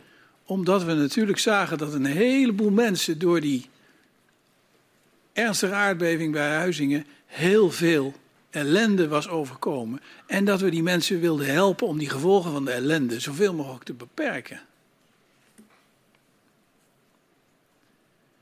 Niet meer en niet minder. We zien uh, dat uh, daar waar u eerder in het verhoor zei uh, bij een zware beving krijgen we 100, 200 meldingen. Ja. Dat een paar maanden na Huizingen de teller op 2400 meldingen staat. Dat klopt. In hoeverre was NAM in staat om zulke hoeveelheden schades af te handelen? Nou, niet. vandaar dat we die opschaling hebben gepleegd die ik net beschreef. Maar de bottleneck zat hem bij die experts. Ja. En toen zagen we ook eigenlijk eerlijk gezegd pas wat later. We waren toen zo bezig met firefighten, dat geweldige analyses van, weet ik veel, doen we het nou beter? Dat hadden we niet. Wij waren op dat moment zoveel mogelijk oplossingsgericht bezig. Ja. Maar later, en nou praat ik over de loop van 2013, toen kregen we twee fenomenen. het aantal schademeldingen, hoewel dat in golven ging, Ja. die, eh, dat nam toe, gestaag. En we zagen ook dat er eh, meldingen werden afgewezen, wat tot vrevel leidde. Ja. En ook wel eens eh, tot, nou ja, eigenlijk omgekeerd.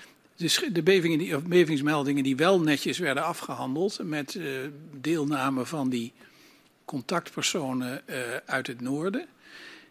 Die, ja, die leiden tot zoveel, ja, zeg maar, eh, nou, dit moet ik niet zeggen, ik wou zeggen tevredenheid, maar die be- bevingen werden netjes afgehandeld. En dat vonden de, de gedupeerden ook, want die tekenden die afhandelingsovereenkomsten.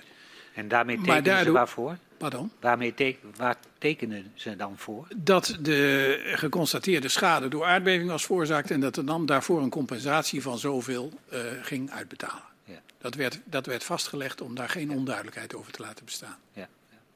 Ik kom nog even een stapje terug in de tijd, want u zei uh, we wilden voldoende schadetaxateurs hebben. Wat was de bottleneck daarin om die te vinden? Nou, een, een, een, een expert op het uh, vaststellen van aardbevingsschade, dat is een, uh, dat is een specialistische bezigheid. En uh, je hebt meer experts op het gebied van die deuken en autospatborden, zoals ik net noemde, dan dat je die hebt op het gebied van aardbevingsschade. Daar was in Nederland heel weinig expertise over. Dus daar zaten we wel een beetje met de handen in het haar. Vandaar, en dan kom ik even terug op waar ik net naartoe wou. Vandaar dat we in de loop van 2013 zagen dat uh, het aantal meldingen nog steeds toenam, hoewel zoals gezegd in golven. En dat we iets moesten doen om, zoals we dat eigenlijk met allerlei werkzaamheden die arbeidsintensief waren, uh, zoals boren, zoals uh, seismische onderzoeken doen enzovoort, dat moesten we uitbesteden. En uitbesteden aan iemand die dat wel als een core business had. Mm -hmm. Uh, waarbij de, bij de NAM in feite een ja, weliswaar uitbesteden activiteit was, maar op kleine. Dus we moesten zorgen dat we een nieuwe manier gingen ontwikkelen. En daarom hebben we in 2013, tweede helft, hebben we uh, de, de stappen genomen om het CVW-contract, wat toen. Daar kom ik zo even op terug. Ja. Ik, want uh, we zien ook dat die schadeaantallen en die meldingen door blijven stijgen. In 2012 zei ik, aan het einde waren het er 2400. Uh, en uiteindelijk stijgen ze naar 9500 in 2013 en 18.000 in 2014. Ja. Uh, die snelle stijging, uh, in, in hoeverre kon dat door de organisatie enigszins worden gedragen? Nou, die snelle stijging die kwam, zoals ik net uh, begon te zeggen, die kwam in golven. Uh, die, die, die, bijvoorbeeld als de minister een bezoek aan de regio bracht, werd iedereen daardoor ook weer herinnerd aan het feit dat die ellendige beving bij Huizingen was geweest. En heel veel mensen zeiden, oh wacht even, ik ga toch nog eens even kijken, ik ga een melding doen. Dus je zag dat het doen van meldingen vaak werd getriggerd door externe omstandigheden. Maar ze bouwden wel op, zoals u zegt. Ja, en daarom zeiden we, we moeten hier een veel meer gespecialiseerde aanpak door deskundige partijen doen. En dat was de grondslag om het CVW-contract te gaan ontwikkelen.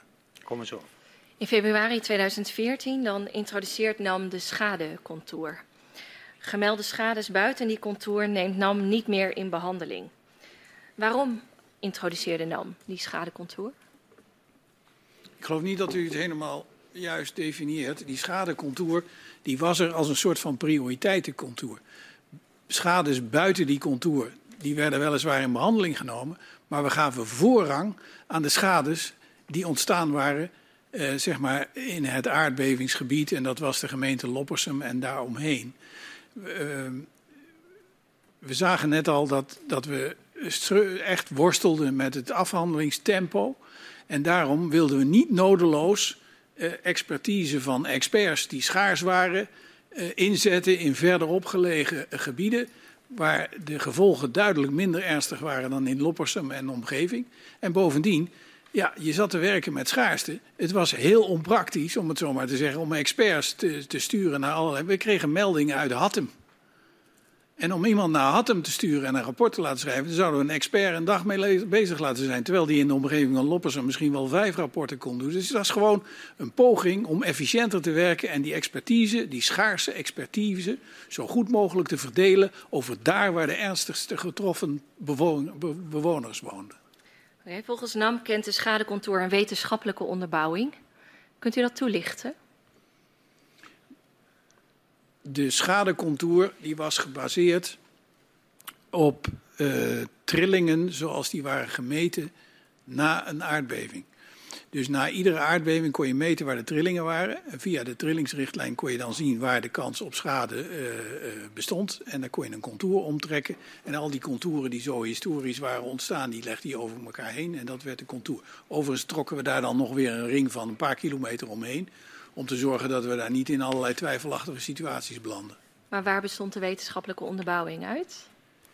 Uit de grondbewegingskaarten uh, die door professor Bommer werden gemaakt. Okay. We kwamen e-mails van u tegen waarin u in 2015 heel kritisch bent op de schadecontour. Voornamelijk op de veronderstelde wetenschappelijke basis van de contour. Ja, waar een... bestond uw kritiek uit? Waar, nou, in het team van, uh, van, van uh, contactpersonen, hè, zeg maar de, mijn oude operators, daar zat ook iemand en die zei: Weet je, ik zie, eh, als ik overal kijk naar die schadeafhandeling, dan zie ik dat je daar een zeker patroon in kunt vinden. Hè. Dus dat, de, de, afhankelijk van de sterkte van de beving die is opgestaan, kun je zien dat je daar een soort van cirkeltje omheen kan trekken. Dus die deed dat handmatig.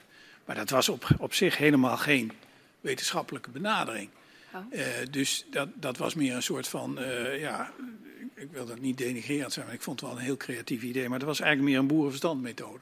Daar konden we dus niet uh, gebruik van maken. om, om die als een uitgangspunt te baseren. Dus wat, toen, we toen ik daar met Jan van Elken over sprak, zei hij: Maar wacht even, wij hebben professor Bommer. Laten we die nou eens even laten kijken of zo'n contour op basis van de nou zeg ik een technisch ding, ground motion equipment curves, dus de grondbewegingskaarten die Bommer kon maken, of op basis daarvan met hetzelfde doel zo'n contour kunnen maken. Dan gooi je er weer die coulanceband omheen.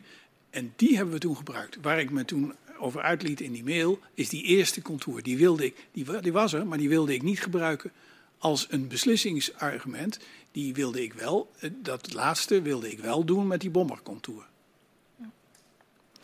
U heeft net al heel duidelijk gemaakt uh, dat die, uh, uh, nou ja, dat die schadecontuur, even in mijn woorden, als een soort noodgreep werd ingezet. Omdat er zoveel schades waren en om het efficiënt aan te kunnen pakken. Ja, dat is zo. Ehm, aan de andere kant ehm, waren de meldingen die in het binnen de contour gelegen uh, gebied, dus met name Loppersum en omstreken, die waren ook realistischer. Want daar waren de zware grondbewegingen geweest die die schades veroorzaakten. Naarmate je daar verder vandaan kwam en je kwam bijvoorbeeld uh, richting Leens, om eens wat te noemen, dan waren die grondbewegingen daar natuurlijk veel minder groot geweest. En dus de kans dat daar realistische aardbevingsschade ontstaan was, die was kleiner. Dus als je daar veel bevingen kreeg, dan was daar ook wel een element van: ik heb een scheur gevonden, laten we daar eens naar laten kijken. Dus dat waren in mijn beleving wat minder urgente bevingen dan die in het echte aardbevingsgebied in en rondom Loppersum eh, plaatsvonden. Ook als mensen daar wel schade hadden? Waar? Ook als mensen daar buiten die contour, zoals u hem net schetste, ja. wel schade hadden. Uh, nou ja, dan, had dat, uh, dan was dat minder urgent probleem voor, uh, voor NAM. Zoals we hadden schaarse resources en ik vond het mijn plicht om die resources te dirigeren naar. Nou, ik, daar was ik niet de primair bij betrokken, maar NAM moest zijn schaarse uh, middelen inzetten daar waar die het hardst nodig waren. Daar was ik van overtuigd. En dat vond ook niet meer dan mijn plicht ten opzichte van de bewoners in het aardbevingsgebied. en ja, daar werd ik van harte ondersteund door de burgemeester van Loppersum overigens. En u schetste net uh, die, uh, die schades, die konden nog wel gemeld worden. Uh, maar die andere werden met voorrang behandeld. maar deze schades die belanden vervolgens onder op de stapel en pas na de proef in het buitengebied worden ze afgehandeld? Ja, dat weet ik niet meer precies. Maar die werden inderdaad eh, als, als een, tweede urgentie afgehandeld. Maar ze werden wel bekeken. Ja, twee jaar na dato. We hebben net al uitvoerig gehad over de enorme groei uh, in het aantal schademeldingen. En u uh, begon er ook al over. Uh, het idee ontstond om een aparte uitvoeringsorganisatie op te richten. Kunt u ons even vertellen hoe dat is gegaan? Ja. Het was natuurlijk wel onze plicht, zoals ik voor de pauze heb beschreven, om die schade af te handelen. Dus ik kon daar wel heel erg intellectueel over gaan nadenken of dat wel of niet bij de NAM hoorde. Maar we moesten er wat mee. En niet alleen de twee afdelingen die ik net noemde, namelijk uh, de, de, experts voor schadeopname en uh, dus onder de, onder de grond, uh, de, onder de, de NAM-organisatie gecontracteerd. Maar ook die, die contactpersonen die begonnen, die begonnen overbelast te raken. Maar daarna ook voor iedere overeenkomst met een bewoner moest er een vaststellingsovereenkomst worden gemaakt. Die werden door juristen geschreven. Dus de juridische afdeling die kwam ook onder zeer grote druk te staan. Uh, sommige van die, voor sommige van die vaststellingsovereenkomsten was ook uh, input nodig van mensen die eh, in de contractuele afdeling werkten. Dus die contractafdeling kwam ook onder druk. Dus de hele NAM werd omvergetrokken door de belasting op diverse afdelingen. Dus wij zeiden, dit kan zo niet, dit moet de NAM ook niet doen. Dat was trouwens een principieel inzicht dat we misschien wel eerder hadden kunnen ontwikkelen. Maar dit, dit moet NAM niet zelf gaan doen. We moeten dit uitbesteden aan organisaties die dit soort aspecten als kerncompetentie hebben. En dat zijn met name expertbedrijven en dat zijn, uh, dat zijn uh, uh, bouwkundige bedrijven. En daarom hebben we toen een, een, een, een snel, snelle contract, tender-exercitie opgezet, die georganiseerd was op dezelfde manier als de snelle tender-exercitie die we hadden gehad voor het uh, vervangende contract van het oorspronkelijke Stork Groningen Long Term uh, contract. Dat is toen vervangen door het Groningen Long Term Plus contract. Dat is ook op een hele snelle manier tot stand gekomen. Diezelfde strategie van contracteren, uh, tenderen, hebben we toen gevolgd voor het CVW-contract.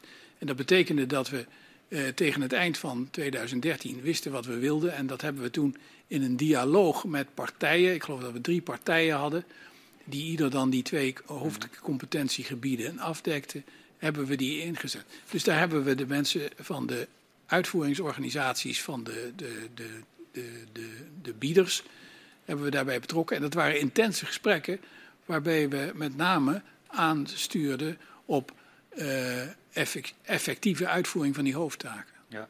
Ik wil nog even een stap daarvoor met u bespreken. Want voordat die tender in gang wordt gezet, is er ook al gesproken uh, in de dialoogtafel uh, over de schadeafhandeling. Ja. we hebben ook Suzanne Top eerder gehoord deze week. Die ja. heeft ook aangegeven ja, dat idee om een soort projectservicebureau op te richten, dat die taak van NAM ging overnemen, daar was best wel draagvlak voor. Maar er waren wel verschillende ideeën over hoe je dat dan zou kunnen inrichten. Uh, moest er bijvoorbeeld niet ook een stichting uh, worden opgericht om dat te doen. Zij gaf aan in haar verhoor, ja, er is eigenlijk niks met onze input gedaan. Kunt u dat nog uitleggen, hoe dat is gelopen? Nou, ik zat niet aan de dialoogtafel, hè. Daar, daar, daar, was ik absoluut niet bij betrokken. Nee. terwijl ik wel mezelf had opgeworpen als de coördinator van die tenderexercitie. Dus ik, had ook eigenlijk niet uh, veel contact waarin ik dit had moeten doen. We hebben wel in de laatste fase en voor het uiteindelijke beslissing, uh, de, voordat de uiteindelijke beslissing werd genomen over die dialoogtafel, hebben we daar, of over de, dat uh, project services contract, zoals we het oorspronkelijk noemden, ja. hebben we wel een discussie gehad met Jan Kamminga, een van de twee Voorzitter. voorzitters van de dialoogtafel. Ja. En daar zat via de dialoogtafel zat ook Jan Lichtbolders bij. En daar hebben we beschreven, hebben we de, de, de contract, het contractproces beschreven en hoe we dat tot stand hadden gebracht en waarom we de keuze hadden gemaakt voor de uiteindelijke CVW-combinatie. En dat hebben we dus helemaal besproken en daar had Kaminga ook zo zijn opinies over. En die waren? Nou, eigenlijk begon hij toen hij binnenkwam, begon hij te vertellen hoe hij het zou doen. En toen zei ik, ja, dat is wel heel mooi, maar we zijn inmiddels dit zijn gaan doen. Zouden, mogen we dat nog even vertellen? Ja. En dat is toen, uh, toen verteld. En uh, Ja. Wig Bolder schreef toen ook, Jan, ga nou niet meteen van slag. Laten we nou eerst eens even horen wat ze gedaan hebben. Dan kunnen we daarna commentaar hebben. Ja. Dat was een intensieve meeting en dat was een open meeting. En daar gaf Kamminga met name eh, heel duidelijk commentaar. Ja. En wat had hij graag anders gewild dan het voorstel dat NAM inmiddels in gang had gezet? Nou, ik kan me niet zo goed herinneren wat hij anders wilde. Ik geloof dat hij wel eh, eh, wilde dat er een bepaalde eh, rapportage tot. eh, kijk, Kamminga was ook voorzitter van de technische commissie Bovengrond. Een van de twee commissies die werden inge- ingesteld. En hij wilde wel graag dat we in die technische commissie Bovengrond gingen rapporteren hoe dat CVW functioneerde en eh, wat we die, dat CVW aan opdrachten. En daar hebben we ook vergaderingen over gehad, waar Ja. bijvoorbeeld.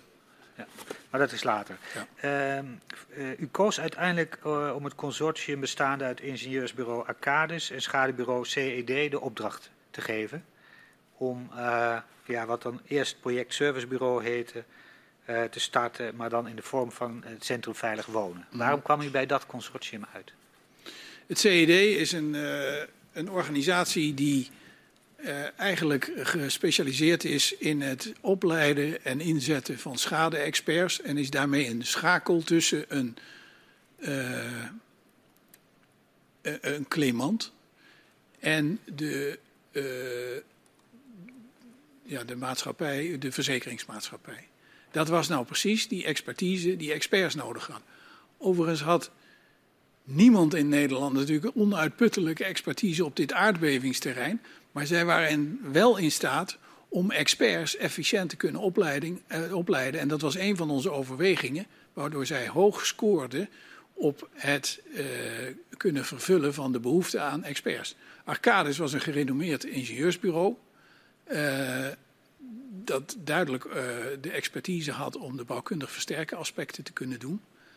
En eh, ja, die twee overwegingen waren de hoofdredenen waarom zij het beste voorkwamen uit de, eh, de, de tender-exercitie eh, die we toen met drie partijen hebben gevolgd. De andere partijen hadden ook goede voorstellen. Het was zelfs best spannend zo nu dan wie dat nou ging winnen, want dat ging in bepaalde rondes. Maar de andere partijen die zaten ook wel veel op het eh, tracé van... eh, ja, we moeten dan maar eens gaan praten en we moeten nog eens even. Dat was niet echt resultaatgericht. eh, en daar was eh, die combinatie die we uiteindelijk gekozen hebben de beste van. En die heeft zichzelf later CVW genoemd. Ja. En CVW moest, en ik citeer, op enige afstand van NAM het schadeproces en de versterking uitvoeren. Ja, Wat, wat wordt er bedoeld met enige afstand? nou, de, bedoel, de bedoeling daarvan was dat eh, het CVW zelfstandig kon werken binnen eh, aansturingslijnen van de NAM. Dus los zoveel schademeldingen op, eh, maak zoveel voorstellen voor een bouwkundig versterkingsproject. En in de stukken wordt u genoemd als contracteigenaar. ja, Wat betekent dat? nou, ik, ik was de voorzitter, of de, ja, de, de, de, de, de leider van dat team geworden. De, op dezelfde manier als we bij dat Groningen Long Term eh, eh, traject eh, hadden, hadden opgericht. En ik ben toen na afloop van die exercitie, omdat we die band inmiddels hadden ontwikkeld na die intense dialoog met de, de twee hoofdpartijen van het CVW, daar had ik een relatie mee ontwikkeld. En toen heb ik eh, aangeboden om die rol van contract owner, dat wil zeggen schakelen met de, eh, de, de managers van die twee eh, deelnemers, CVW en Arcadis, om die rol te blijven vervullen. We hadden op dat moment een relatie en het leek me het meest efficiënt voor een vliegende start van het CVW. Als we die relatie, maar dat betekent niet dat ik operationeel invloed had. Dat betekende dat ik dat ik eh, met die eh, vertegenwoordigers van die maatschappijen in contact trad. als wij vonden dat de performance van hun bedrijven in het CVW niet goed was. Dat CVW zelf werd gemanaged door een contractmanager. Daar hadden we binnen de NAM ook wat opgesteld. Maar die stelde zich terughoudend op in de zin dat hij keek of de of de opdrachten werden uitgevoerd. En waar die niet tijdig of naar tevredenheid werden uitgevoerd, stuurde hij bij, maar altijd op afstand. Het CVW was bedoeld als een organisatie die zelfstandig kon opereren in haar twee kerntaken. Dus u had zeg maar, vanuit de NAM contact met de aandeelhouders, de twee aandeelhouders Ja. van Centrum Veilig Wonen, Arcadis en CED. Ja. Maar u had zelf geen directe relatie met de directie van CVW. Anders dan dat ik ze natuurlijk regelmatig sprak, Oh, eh, met of zonder eh, de twee eh, eigenaren van die twee partijen. En Ik had eenzelfde rol binnen het GLT-contract. Daar was Ja. ik ook de man die contacten onderhield met de directeuren van de deelnemende vier partijen. Aan dat. Dus dat was om te zorgen dat we op een eh, effectieve manier de support konden krijgen van die moederorganisaties. Dat Ja. was heel belangrijk. Dat was mijn rol. Ja. En hoe vaak gebeurde dat? Dat u dat overleg had? We zien bijvoorbeeld dat er eens per kwartaal een management board meeting is. Ja. Nou, daar had ik het formeel. Ja. Maar eh, daar wachtte ik niet altijd op. Nee. Het ging, ik ging vaak naar ze toe. Ja. Dat werkte bij eh, dat, eh, het Groningen-contract goed. Eh, de- ik ging naar hen toe. Eh, en ik ging naartoe, eh, en naar hen toe om te laten zien dat ik bereid was om de opening te maken, om de, de verbetertrajecten te, te bespreken waar we naartoe wilden. En Dus je dat, deed, dat deed ik om dat vast in de week te leggen. En dan formeel tekende, te- tekenden we het af of Ja. tikten we het af tijdens die kwartaalmeetingen waar u bedoelt. Dus het was nogal hands-on, die uw betrokkenheid bij eh, de uitvoering eh, van de activiteiten van het Centrum Veilig Wonen. Mag ik dat zo concluderen? niet hands-on in de zin dat ik aan de Bouten en de Moeren eh, toekwam. Maar wel hands-on in de, in de zin dat ik die eh, contractpartijen eh, eh, nadrukkelijk wees op wat we van ze verwachten en waarom we vonden dat ze dat niet goed deden. Oké. En wie was dat, die contract manager? Eh, even kijken. Dat zijn er verschillende geweest. Maar in de beginperiode was dat eh, Charles Gevers. Als opdrachtgever is NAM een belangrijke speler voor het Centrum Veilig Wonen. Tegelijkertijd is de verwachting dat het Centrum Veilig Wonen onafhankelijk van NAM opereert. Het ging er net al eventjes over. In hoeverre kon dat Centrum Veilig Wonen dan ook echt onafhankelijk opereren?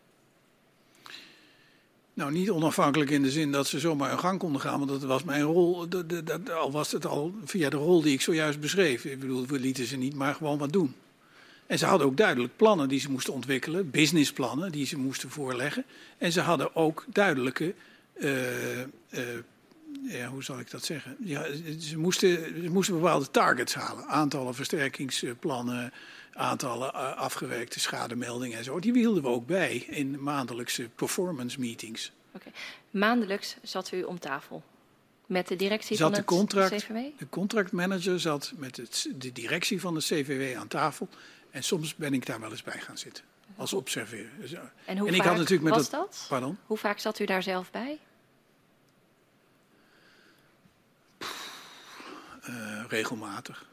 U, u moet, probeer een beetje, een beetje gevoel te krijgen bij Ja. eh, de nou, laat me even vertellen hoe dat dan lag. Ja. Kijk, ik had natuurlijk, eh, ondanks mijn rol op het niveau van eh, de, de, de, de Arcades en CVW-directeuren, had ik natuurlijk bij, eh, met het managementteam van het CVW ook contact. Eh, ik kende dat managementteam ook goed. En eh, ja, dat managementteam was natuurlijk ook zeer actief geweest tijdens die aanbestedingsprocedure die ik net schetste. Dus ik had ook met dat managementteam, via al die discussies die we gehad hadden, een band. Dus ik kende die mensen goed en ik ben daar ook wel eens bij gaan zitten om duidelijk te maken wat de verwachtingen waren en die business performance met hen te bespreken en eh, te vragen of ik hulp kon eh, bieden in het versterken van hun positie ten aanzien van hun moederorganisaties. Daar pikte ik de signalen op van we lopen klem omdat we niet goed projectengineers hebben. En dan ging ik naar de Arcades Nederlands directeur en dan zei ik Gert, je moet me helpen. Want we hebben niet genoeg mensen en ze doen het ook niet goed genoeg naar mijn idee. Ik was zelf een projectmanager geweest, dus ik had daar wel meningen over. Welke rol speelde NAM zelf nog in dat schadeproces op dat moment? NAM had natuurlijk melding gekregen en was met die afwikkeling van die meldingen begonnen. En dat heeft de NAM uh, uiteindelijk ook voortgezet. En het CVW vrijgespeeld voor het. Uh, ik weet niet meer of ze er nog een stel hebben overhandigd. Maar het idee was een beetje nieuwe meldingen werden gepakt door het CVW. En de NAM uh, handelt af wat er al begonnen is. En in hoeverre kan het Centrum Veilig Wonen dat schadeproces nou onafhankelijk van NAM uitvoeren? Er was een uh, schadeprotocol en dat moesten ze toepassen. Ja. Was er bemoeienis van NAM bij hoe het CVW die schades afhandelde op de inhoud? Nee, niet direct. Het werd op hoofdlijnen aangestuurd en de, de, de, de, de, de, de detailuitwerking en de uitvoering die lag bij de mensen van het CVW. Overigens waren er van de NAM uh, was er wel een aantal mensen ook overgegaan naar het CVW. Het was natuurlijk zonde om die expertise die er inmiddels wel was opgebouwd, om die teloor te laten gaan. En die werd ook wel in dienst gesteld bij het CVW. Ja. Klopt het dat de medewerkers uh, van het CVW uh, eh, e-mailden met een e-mailadres wat niet eindigde op Centrum Veilig Wonen? Ja, ja. Wij hadden natuurlijk op onze manier geprobeerd om dat CVW een vliegende start te geven. Dus we hadden ook het IT-systeem van NAM aangeboden. En het NAM IT-systeem, dat gaf je een, een, een e-mailadres waar dan shell.com achter stond. Ik had ook Johan de Haan shell.com, was in die tijd of J. Haan, weet ik niet eens meer. Maar dat was mijn adres. Begrijpt u dan dat het voor bewoners ingewikkeld was om te zien dat het CVW uh, onafhankelijk van NAM ja, kon opereren? Ja, dat was, dat was natuurlijk was dat... Uh, onnozel misschien wel. Maar ik had op dat moment ook, of we hadden op dat moment niet zoveel keuze. We moesten dat, dat, dat, dat uh, Centrum Veilig Wonen aan de gang krijgen. Die hadden geen eigen IT-opzet. Dus we konden toch niet zeggen van IT, ga eens lekker een IT-systeem ontwikkelen. Het duurde ongeveer een jaar en dan beginnen we eens. Nee, we hebben gewoon gezegd, nou gebruik dit dan maar. Later hebben ze wel hun eigen systeem ontwikkeld, maar dat kostte tijd. En die tijd hadden we niet, dus we moesten aan de gang. En ja, het bijverschijnsel was natuurlijk dat mensen argwanend werden van, wat is dit nou? Die meneer die kan wel zeggen dat hij niet voor de NAM werkt, maar hij heeft een Shell-adres. Ja, dat was heel vervelend. Dat moest je dan proberen, proberen uit te leggen en dat lukte niet altijd. Maar het alternatief was niks doen en dat vond ik nooit een echt goed alternatief. In de buitenwereld is er veel kritiek op de schadeafhandeling door het Centrum Veilig Wonen. Een van de redenen is dat het Centrum Veilig Wonen steeds meer schades beoordeelt als een C-schade, niet aardbevingsgerelateerd, betekent dat. En die schades hoeft NAM niet te vergoeden. Hoe kijkt u naar de kritiek die daarop kwam? En waar kwam die kritiek precies? Want dat verstond ik niet. Op de hoeveelheid C-schades. Nee, maar waar? Waar kwam die kritiek? Ik zei in het, en toen verstond ik niet. Ik verstond buitenland, maar dat kan ik me niet voorstellen. In de buitenwereld. In de buitenwereld, oh, ja. ja. ja. natuurlijk. Uh, uh, uh, er waren schades die niet werden beoordeeld als A of B schade, die relatief koeland werden opgelost. En die werden afgewezen. En het afwijzen van een schadevoorstel, terwijl uh, uh, andere schademeldingen wel werden gehonoreerd, ja, dat is altijd pijnlijk.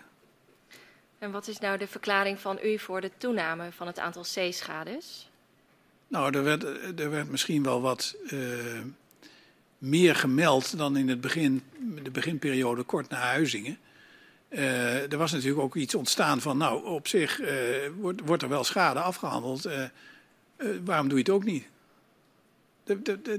Het was,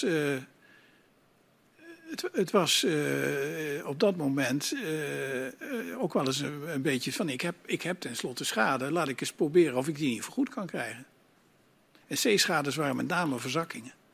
En die C-schades, ja, die waren er al of niet, maar die hadden eigenlijk niks met die, eh, in veel gevallen, had die, die niks met die aardbeving gemaakt. Dus die werden afgewezen. Maar dat was natuurlijk voor de, voor de, voor de melder pijnlijk. En welke discussies zijn hier intern bij NAM uh, of met het CVW overgevoerd? Over die C-schades? Nou, wij hadden bevestigd wat, uh, wat betekende wat een C-schade was. En we hadden gezegd, als de causaliteit met een opgetreden beving niet duidelijk is, dan, dan moet die worden afgewezen. En dat hadden we het CVW ook uh, verteld. En, en de beoordeling daarvan die lag niet bij de NAM of bij het CVW per se, maar die lag bij die experts. En ging het daarover in die management board meetings tussen NAM en CVW? daar ging het over dat de uh, aantallen uh, afgewezen, dus de aantallen schades toenamen. En dat dat uh, voor het CVW heel lastig was. Want dat betekent dat ze niet populaire beslissingen moesten communiceren met de schademelders. En daar hadden ze last van, want dat was niet goed voor hun, hun reputatie. En ja, hun reputatie was ze dierbaar, dus dat vonden ze niet fijn. En klopt het dat het CVW voorstelde om coulanter om te gaan met die zeeschades, maar dat NAM dat resoluut afwees? Dat kan ik me niet zo in die zin herinneren. Uh, dat lag ook meer op het terrein van de, uh, de contractmanager. Maar de contractmanager hield voet bij stuk dat een zeeschade was een zeeschade. En we konden niet, als je die zou gaan honoreren, dan zou je niet alleen willekeur krijgen in de afhandeling. Maar dan zou je ook nog willekeur richting verleden krijgen. Als je opeens zeeschades was gaan eh, honoreren, dan hadden alle eerder afgewezen zeeschade zich ongelooflijk belazerd gevoeld.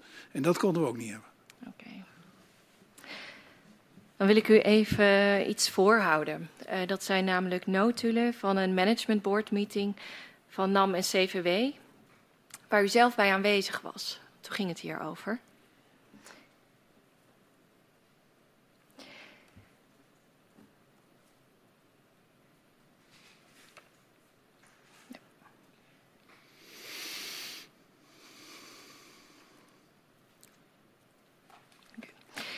begin bij een uh, citaat uh, van u.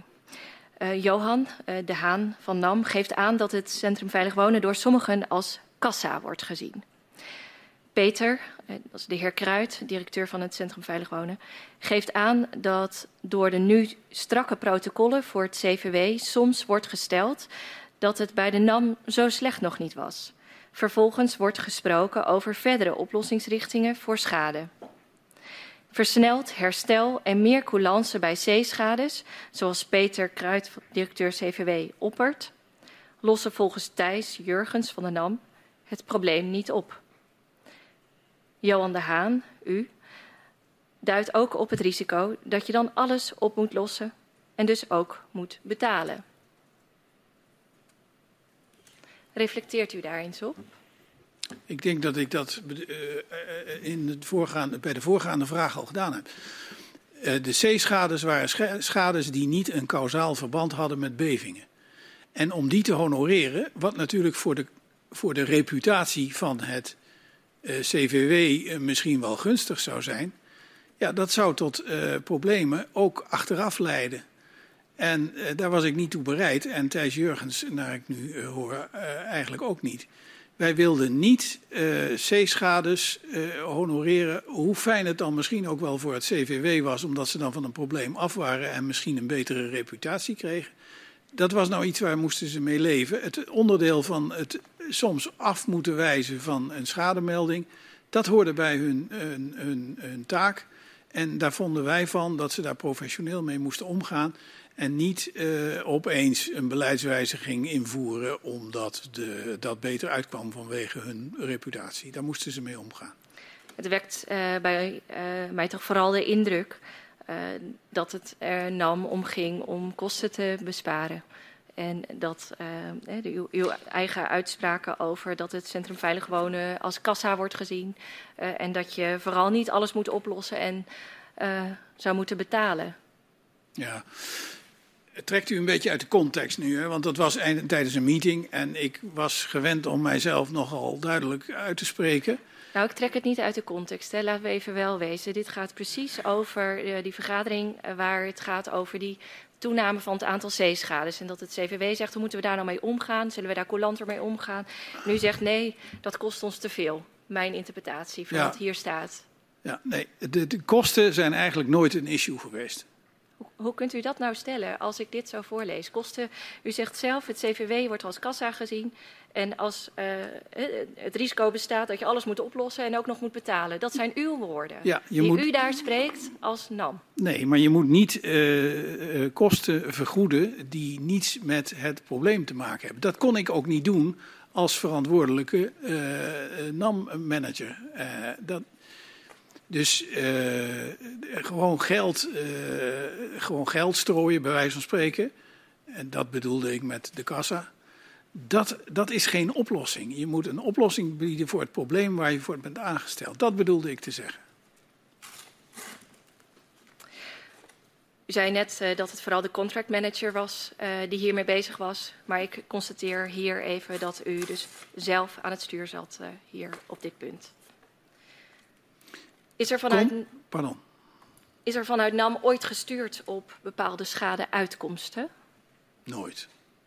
Dat, schadeuitkomsten, dat was, de, dat was de expertise van de expert. Dus de expert stelde schade vast. Ik zou niet weten hoe je dat moet doen. Daar heeft de NAM nooit dat is nou juist wat de NAM niet deed. De NAM zette de experts in en die, hadden de, die, die namen de beslissing om uh, tot een, uh, een, een, een, compensatievoorstel te komen. Dat was hun expertise. En daar zijn dingen misgegaan, dat weet ik ook wel.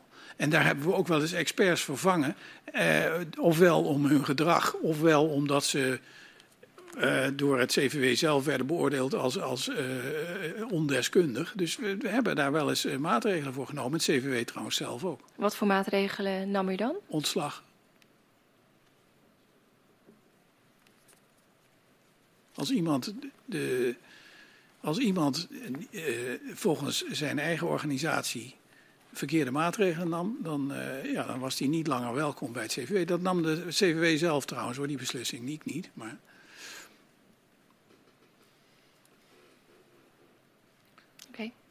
geef het woord aan mevrouw Katman.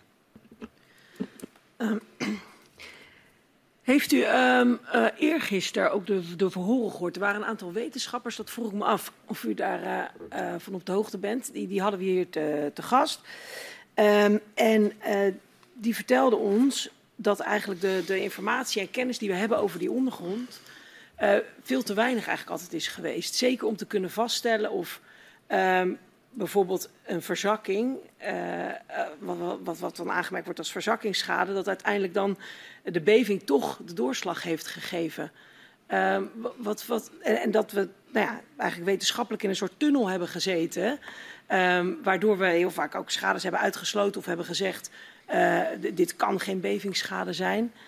Um, hoe, hoe, hoe kijkt u daarnaar?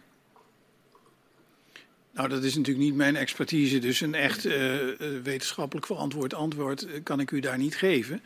Maar wat ik wel weet, dat is dat wij bij de NAM erg bezorgd waren, nadat we met die schadeafhandeling bezig waren, dat er een samenspel kon ontstaan tussen de gevolgen van bodemdaling in de vorm van verzakking en een beving die na die verzakking kon optreden, waardoor de uh, schade van de verzakking uh, werd verergerd. Met andere woorden, je had een, een huis waar bijvoorbeeld een ernstig probleem in de structurele positie van het huis door was ontstaan. Hè, zeg maar de integriteit van het huis was door verzakkingen beschadigd. En dan zou die beving net dat tikje kunnen geven waardoor dat huis zou kunnen instorten. Daarom hebben we ook zo snel na Huizingen inspecties ge, gepleegd dat noemden we van binnen naar buiten.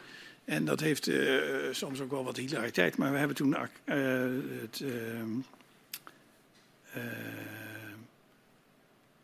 een van onze aannemers, Jo Paul, heeft dat toen op, georganiseerd. Die hebben we mensen uit hun bureau laten verzamelen uit Italië en andere aardbevingsgebieden. En die zijn toen met iPads zijn ze inspecties gaan doen naar de integriteit van huizen met twee doelen. Kijken of het huis nog steeds voldeed aan het uiterlijk zoals het bekend was op de bouwtekeningen die bij het kadaster lagen. Dat was één. Er bleek namelijk dat er heel veel verbouwingen waren geweest die niet altijd helemaal deskundig waren verlopen. Waar er bijvoorbeeld dragende elementen aan een huis verwijderd waren. Dan was het hele idee over de structurele integriteit van zo'n huis natuurlijk veranderd. Het tweede doel was dat we tegenkwamen dat sommige huizen door misschien wel niet aardbevingsgerelateerde uh, oorzaken, verzakkingen, zodanig grote scheuren hadden dat je daarmee met een beving misschien net uh, het, het, uh, het, het setje zou kunnen geven, waardoor die theorie van kleine schade, oppervlakkige schade, waardoor de bewoner geen persoonlijk gevaar liep, waardoor die theorie omvormt. Dus toen hebben we onmiddellijk geacteerd door die inspectieronde van binnen naar buiten, Loppersum, met inspecteurs met iPads op te zetten. Maar ik vraag het u omdat u zo stellig bent uh, in uh, dat er, nou ja, op een aantal momenten gaan wij uh, met u terug in de geschiedenis. En zeker als het gaat over bijvoorbeeld een bewonersavond in 2003. of de, de, de firefighters mentaliteit van, van NAM na 2012. Dat eigenlijk NAM zo goed bezig was dat iedereen zomaar schades ging melden. Terwijl die wetenschappers aangeven en nou ja, zomaar schades melden. We, konden toen helemaal niet zien, we hadden veel te weinig kennis, dat helemaal niet geconstateerd kon worden dat het niet door bevingen kwam. Ik merkte zelfs bij u een beetje af en toe een beetje moedeloosheid als wij die, die, die vragen stelden over die bewonersavonden. Maar hoe komt dat dan? Mijn moedeloosheid of die bewonersavonden? Nee, ja, nou, allebei misschien nee, maar uw moedeloosheid. Van dat u denkt, ja, al die mensen die maar schades melden, uh, uh, terwijl het helemaal niet door bevingen kan komen. En dan zitten wij uh, met, met het feit dat er dinsdag wetenschappers zijn die zeiden we hadden toen helemaal niet de kennis om dat te kunnen constateren. Ja, ik, nogmaals, ik ben geen geoloog. dus ik acteerde op de informatie die ik binnen de NAM kreeg. En dat waren de uitgangspunten die ik eerder heb verteld. Namelijk dat, dat er begrenzingen waren aan de schades die zou kunnen ontstaan. Die theorie die begonnen we in twijfel te trekken nadat we begonnen waren met het uit, uh, afhandelen van schadegevallen. En daar hebben we toen onmiddellijk geacteerd door te doen wat ik net beschreef. En of dat allemaal helemaal volgens het grondmechanische inzicht van experts gebeurde, dat wist ik niet. Dat is niet mijn expertise. Maar ik wist wel dat ik niet het risico wilde lopen dat er een gebouw ernstig schade had en door een beving een soort van genadeslag kreeg, waardoor een bewoner gevaar. Daarom hebben we toen ook stutten gezet. Dat heeft achteraf tot een hoop verwarring en misleiding geleid, waar ik wel spijt van had, maar niet het feit dat we die stutten zetten. Want dat was nou precies om te voorkomen wat ik zojuist beschreef.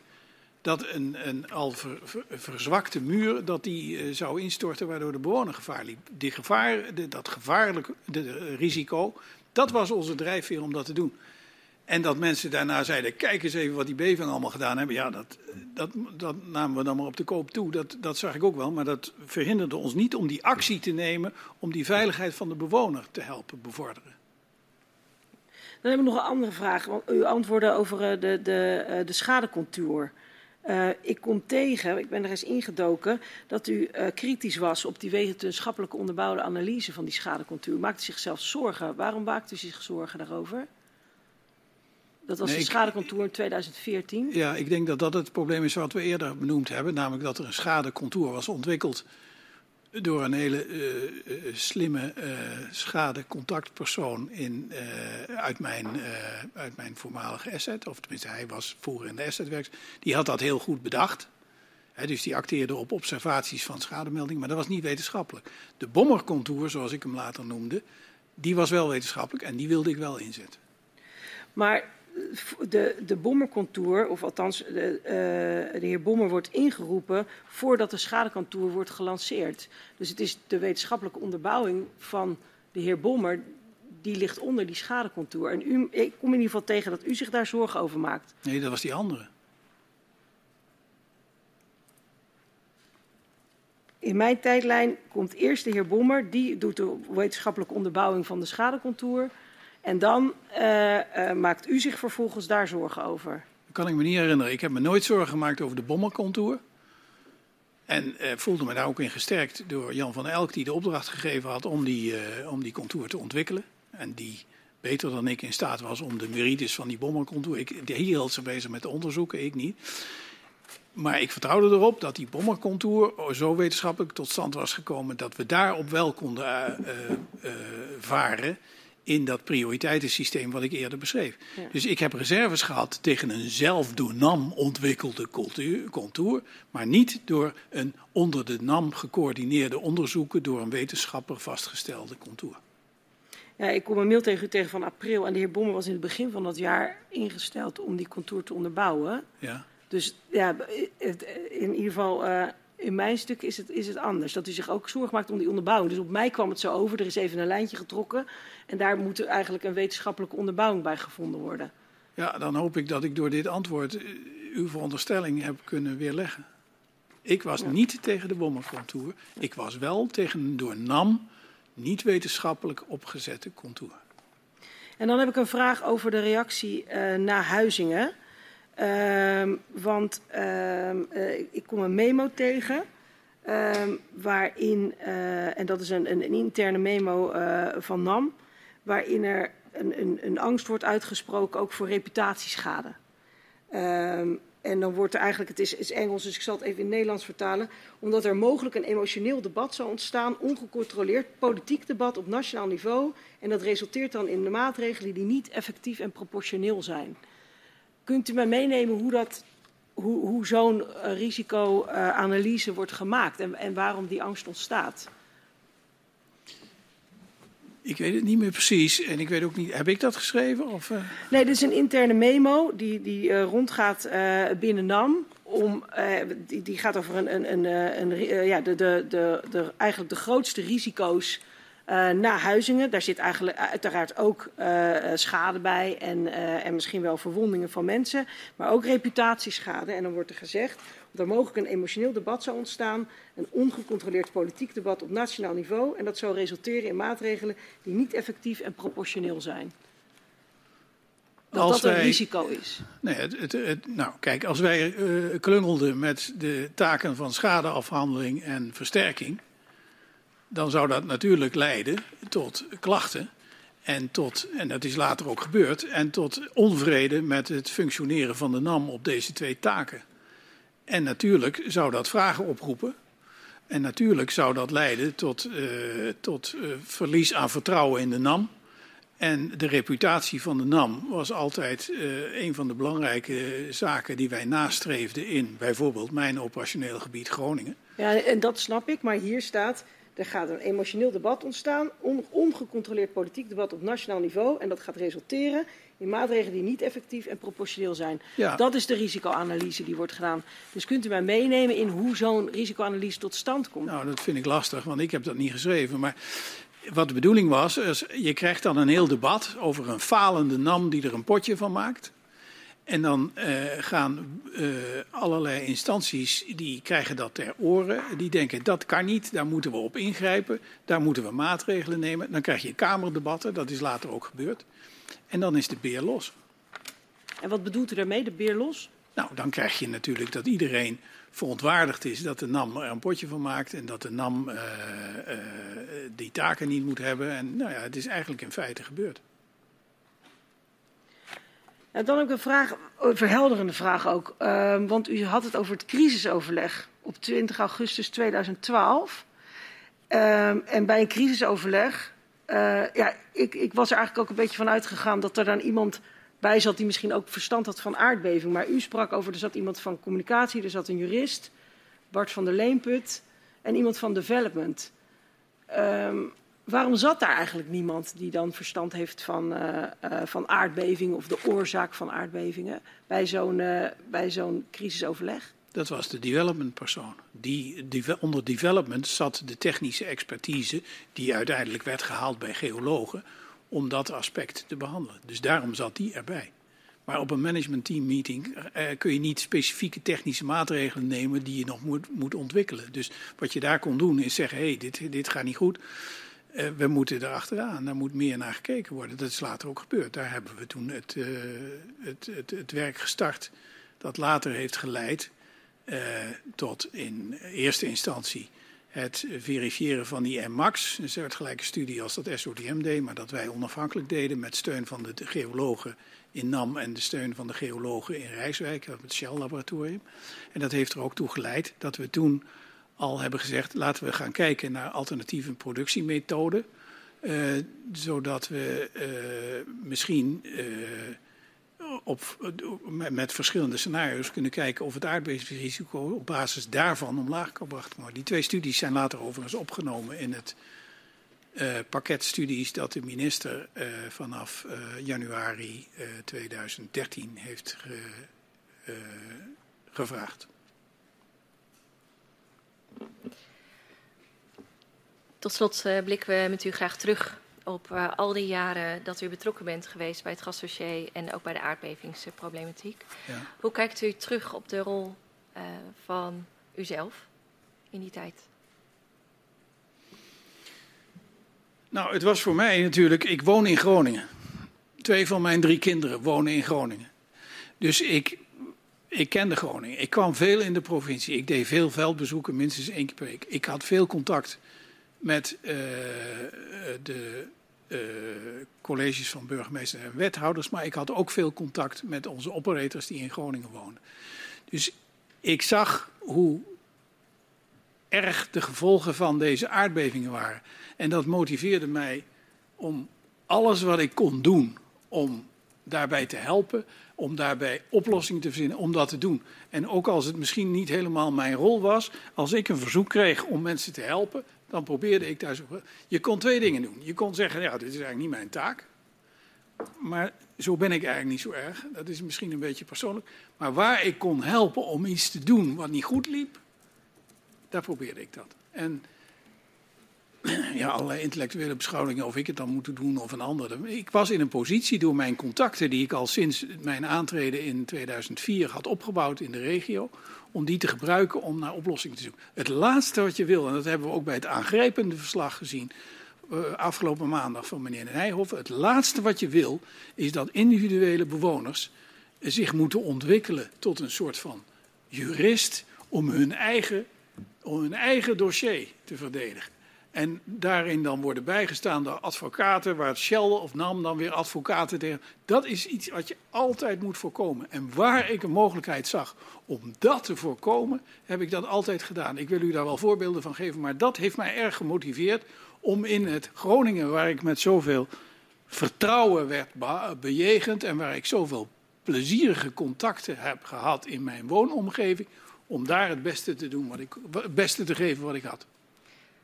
En dat nodigt mij wel uit tot het stellen van uh, de vraag. Want er zijn veel bewoners die tegenover de NAM staan uh, in rechtszaken. Er zijn nog veel bewoners die met ongelooflijk veel schade zitten. Ja. De complexe schades, uh, om maar zo te noemen ook. Ja. Hoe reflecteert u daar dan op? Want u zegt, wat ik heb kunnen, waar ik wat heb kunnen doen om dat te voorkomen, heb ik dat gedaan. Maar we zien dit gebeuren. Ja, maar nu kan ik er niks meer aan doen. Ik ben nu met pensioen, dus dat begroot me, om het op zijn Gronings te zeggen. Ja, maar, die, maar ja, wat ik maar wel goed, heb geprobeerd... Ja, maar daar, daar, komt u iets te snel mee weg, nee, nee, Haan, ik, Want u bent heel lang actief uh, geweest in dit dossier. Ja. En die complexe schades en die boeren met die problemen met de mestkelders... die lagen er ook al in uw tijd. Wat, ja, maar, uh, kunt u reflecteren op wat NAM daar dan aan heeft gedaan? Daar heb ik in mijn tijd heel veel aan gedaan. Om een voorbeeld te geven alle meldingen die er waren bij de NAM ingediend, die zijn in, uh, toen de schadeafhandeling overging naar het NCG, die zijn toen door de NAM uh, zelf, uh, die, die, zijn door de NAM niet overgedragen naar het NCG, maar toen heeft de NAM gezegd, laten wij die meldingen die we nog hebben in onze eigen portefeuille, en daar zat ook een aantal complexen bij, laten wij die nou nog maar afhandelen. Uh, en daar werd ik verantwoordelijk voor na mijn overgang naar het, uh, naar het uh, scha schadeteam van Thijs Jurgens. Dat was het zogenaamde project 6000. er was nog een ander project waar ik bij betrokken was. En dat was het project wat acuut veiligheidsgerelateerd was. Namelijk dat wij kort na Huizingen hadden gezien dat bewoners die in, een, een aardbeving ondervonden, dat die naar buiten vluchten. En dat was het risico waar we erg bang voor waren. Want we hadden gezien dat de, constructie van Groningse huizen vaak betekende dat er een schoorsteen ergens in de nok van het dak slecht gefundeerd hing, zeg maar. En dat zo'n schoorsteen eraf kon vallen. En als iemand naar buiten vlucht op het moment dat die beving komt en hij krijgt zo'n schoorsteen op zich, dan is dat fataal. Dus dat soort risico's, die hebben we vrij snel onderkend. En daar hebben we toen een heel groot project waar ik leiding aan gegeven heb, uh, voor opgezet, namelijk het project 7000. En zo kan ik u nog wel een aantal zaken noemen. Dus als u zegt, jij, jij liep er van weg en jij deed er niks aan, dan ben ik het dat niet met u eens. Ik constateer wel dat er nog steeds mensen zijn met complexe schades voor wie de zaak nog niet is opgelost. Dat, dat is ook zo. Maar ik weet niet of u mij daarvoor verantwoordelijk voor kunt stellen, want ik ben inmiddels met pensioen. Um, u geeft aan uh, wat u in gang heeft gezet of waar u een rol heeft gespeeld. Ja. Zijn er dingen waarvan u zegt dat had ik anders willen doen, had ik anders moeten doen? Terugkijken. Er zijn heel veel dingen, want er is ook heel veel misgegaan en dat, dat, spijt me ook. Uh, het concept van Centrum Veilig Wonen, dat we hebben uitgevoerd op basis van de verantwoordelijkheid zoals wij die zagen en hadden.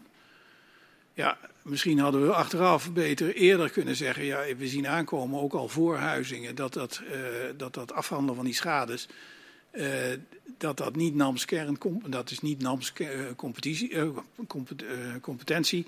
Die willen, we, die willen we ook eigenlijk wel uitbesteden, maar op een betere manier. Ik heb er spijt van dat we dat toen niet eerder onderkend hebben. En dat we misschien toen niet al eerder hebben gezegd, moeten we eens niet gaan praten met de overheid om, om te proberen of er een alternatief is om die verantwoordelijkheid die de NAM toen nog had, om die over te dragen aan een ander. Wat we later met het CVW tot op zekere hoogte hebben gedaan. Maar wat later echt pas uh, formeel gebeurde toen uh, het, de CVW-taken werden ondergebracht bij het NCG. Ja, er was toen ook nog geen NCG. Dus ja, dat, dat, soort dingen. Als, we, ja, als ik slimmer was geweest, had ik dat misschien eerder kunnen verzinnen. Maar u, moet niet vergeten dat ik had niet zoveel keuzes naar Huizingen. Het was ellendig wat er gebeurd was. Mensen waren in, in persoonlijke problemen. En ik, allerlei filosofische, dat was niet zo mijn, mijn operationele inslag. Ik probeerde daar zo snel mogelijk concreet mensen mee te helpen. Overigens niet door te zeggen, kan ik nog eens helpen. Nee, ik kreeg daar verzoeken voor. Uit mijn contacten die ik al lang voor Huizingen had opgebouwd in die regio, kreeg ik heel regelmatig een burgemeester die zei: Jongen, dit is iets dat uh, zit niet bij ons.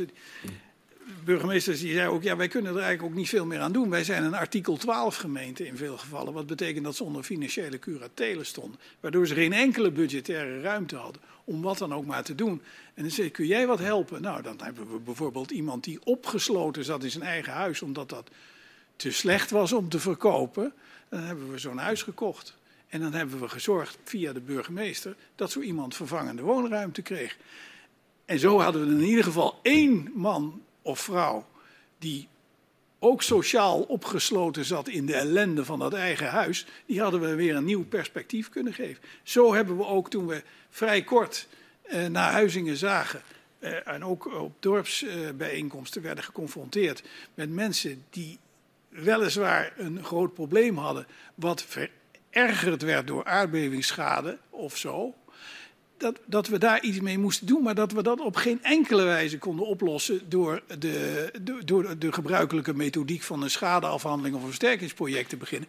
En daar hebben we toen, eh, dat heb ik toen samen met hoofd juridische zaken besproken. En toen hebben we samen gezegd, we moeten iets doen voor gevallen die eigenlijk niet direct aan aardbevingsoplossingen te relateren zijn, maar wel een groot sociaal probleem vormen voor een bewoner. En daar hebben we toen uh, samen de commissie, dat noemden we toen nog schrijnende situaties, maar dat is later de commissie bijzondere gevallen geworden. En die commissie hebben we opgericht, uh, die hebben we overgedragen naar de overheid. Daar is toezicht opgevoerd door uh, de, de, de ombudsman. En die had een eigen budget wat we toen beschikbaar hebben gesteld van een soort revolverend budget van 10 miljoen. Iedere keer als er wat uitging, dan vulde NAM het aan. En die commissie heeft fantastisch werk gedaan. En die heeft een aantal zaken waar wij via de doctrine van je moet iets doen met schade en, en versterking niks aan kon doen, die heeft een hoop geholpen. En dat, dat vind ik een van de dingen waar ik, een van de weinige dingen waar ik wel een beetje trots op ben. Maar er is ook heel veel misgegaan, dat wil ik niet ontkennen. En, het, het was een taak die ook te groot was voor NAM.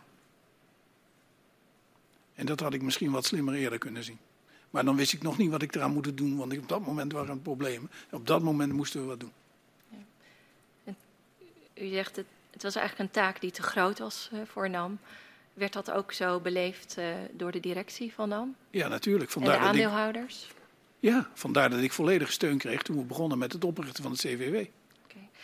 In het begin van het uh, verhoor spraken we met elkaar over de zorgplicht. En dat NAM verplicht is om maatregelen te nemen om te voorkomen dat veiligheid wordt geschaad of dat er schade ontstaat door bodembeweging. Uh, vindt u dat NAM alle noodzakelijke maatregelen heeft genomen? Ja, dat denk ik wel. Want we hebben natuurlijk meteen naar Huizingen gezien dat er een aantal knelpunten zaten, met name op veiligheidsgebied, waar we oplossingen voor moesten vinden. En die lagen uh, bijvoorbeeld op het, het verminderen van het persoonlijk risico van, van bewoners door dat schoorstenenverhaal wat ik zojuist vertelde. Dat betekent ook dat we uh, betere inzichten wilden hebben. Dus daar zijn we die MMAX-studies mee begonnen. Nou, en zo is er een, heel, een, heel, uh, een hele serie uh, acties te verzinnen waar we aan gewerkt hebben. En waar ik altijd naar eer en geweten zo hard mogelijk aan heb proberen te, te, te, deel, te deel te nemen door daar die mogelijkheden voor te scheppen die ik uit mijn rol als asset manager kon nemen. Okay. En in hoeverre was er sprake van aanvaardbare schade? Nou, elke schade is onaanvaardbaar. Elke schade is onaanvaardbaar. Niemand zit erop te wachten om een scheur in zijn huis te krijgen. Dus elke schade is onaanvaardbaar. Maar niet elke schade is voorkombaar als je produceert binnen de uh, productielimieten die door de minister zijn aangegeven.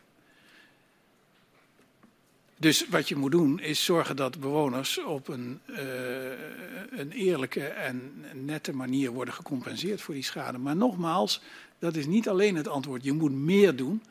Uh, vandaar ook dat, we, dat, dat het rapport Herstel in Vertrouwen, Vertrouwen op Herstel, dat door de commissie Meijer is gemaakt, daar een hele goede richtlijn voor heeft gevormd. Dat was een prachtig rapport, waar ook werd gezegd, je moet meer doen dan alleen die gevolgen. Je moet ook meer doen in de vorm van dat je een perspectief voor Groningen als regio maakt. Vandaar dat daar toen de Economic Board uit is voorgekomen en dat de NAM ook geld beschikbaar heeft gesteld voor het verbeteren van het uh, klimaat in Groningen, projecten enzovoort enzovoort. Dank u wel. Dus we hebben het zo breed mogelijk proberen te volgen, dat rapport. Maar ik was niet voor al die onderdelen verantwoordelijk en ook niet bij al die onderdelen betrokken. Ook dat heeft u vandaag duidelijk gemaakt. Dank u wel. Er is nog één vraag die bij mij toch een beetje kietelt. Um, u heeft verteld over de zeeschades. Mm. U heeft ook aangegeven, ja, op een gegeven moment ontstond er ook het inzicht dat uh, een aardbeving een soort trigger-effect kan hebben. Dat daar waar er al mogelijke verzakking is, er plotseling een, ernstige, uh, een ernstige situatie zou kunnen ontstaan. We hebben ook gesproken over de toename aan schademeldingen na uh, Huizingen. En u noemde zelf de heer Nijhoff, die verklaarde, ik had al wel wat schades, die loste ik zelf op. Maar na Huizingen heb ik me gemeld bij NAM, zoals vele anderen. Kan het zijn dat van die afgewezen zeeschades daar ook echt wel gevallen bij zaten van mensen die last hadden gehad van schades door dat trigger-effect? Dat kan, dat kan ik niet uitsluiten. Maar het geval van meneer Nijhoff ken ik niet persoonlijk. Daar nee. ben ik nooit bij betrokken geweest. Dus gaat ook niet mij om zijn nee, maar, dus, case. Ja, maar hij is bewijs dat er dit soort gevallen kunnen ontstaan. Ja. En er zijn ook fouten gemaakt. Ja. Dus uh, ik weet niet precies wat u, wat, wat, wat u met uw vraag beoogt, maar de hele situatie is natuurlijk sowieso aanzienlijk veranderd met ja. de omkering van de, de, de, de, het bewijsvermoeden, zoals we dat wel noemen. Ja. Bewijslast soms. En mijn vraag gaat vooral over, was de kennis wel voldoende op het moment dat zaken tot zeeschade werden bestempeld, om goed te kunnen beoordelen dat dit helemaal niets te maken had met aardbevings?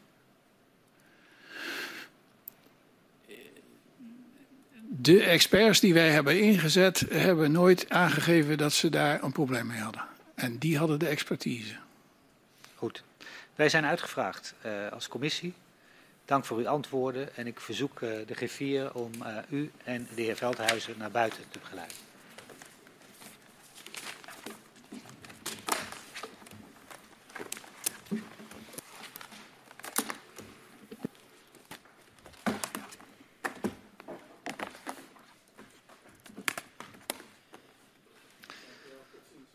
Dag. Wij zijn uh, aan het einde gekomen van uh, deze vierde verhoordag. Morgen om half elf uh, verhoren we de heer Postmus en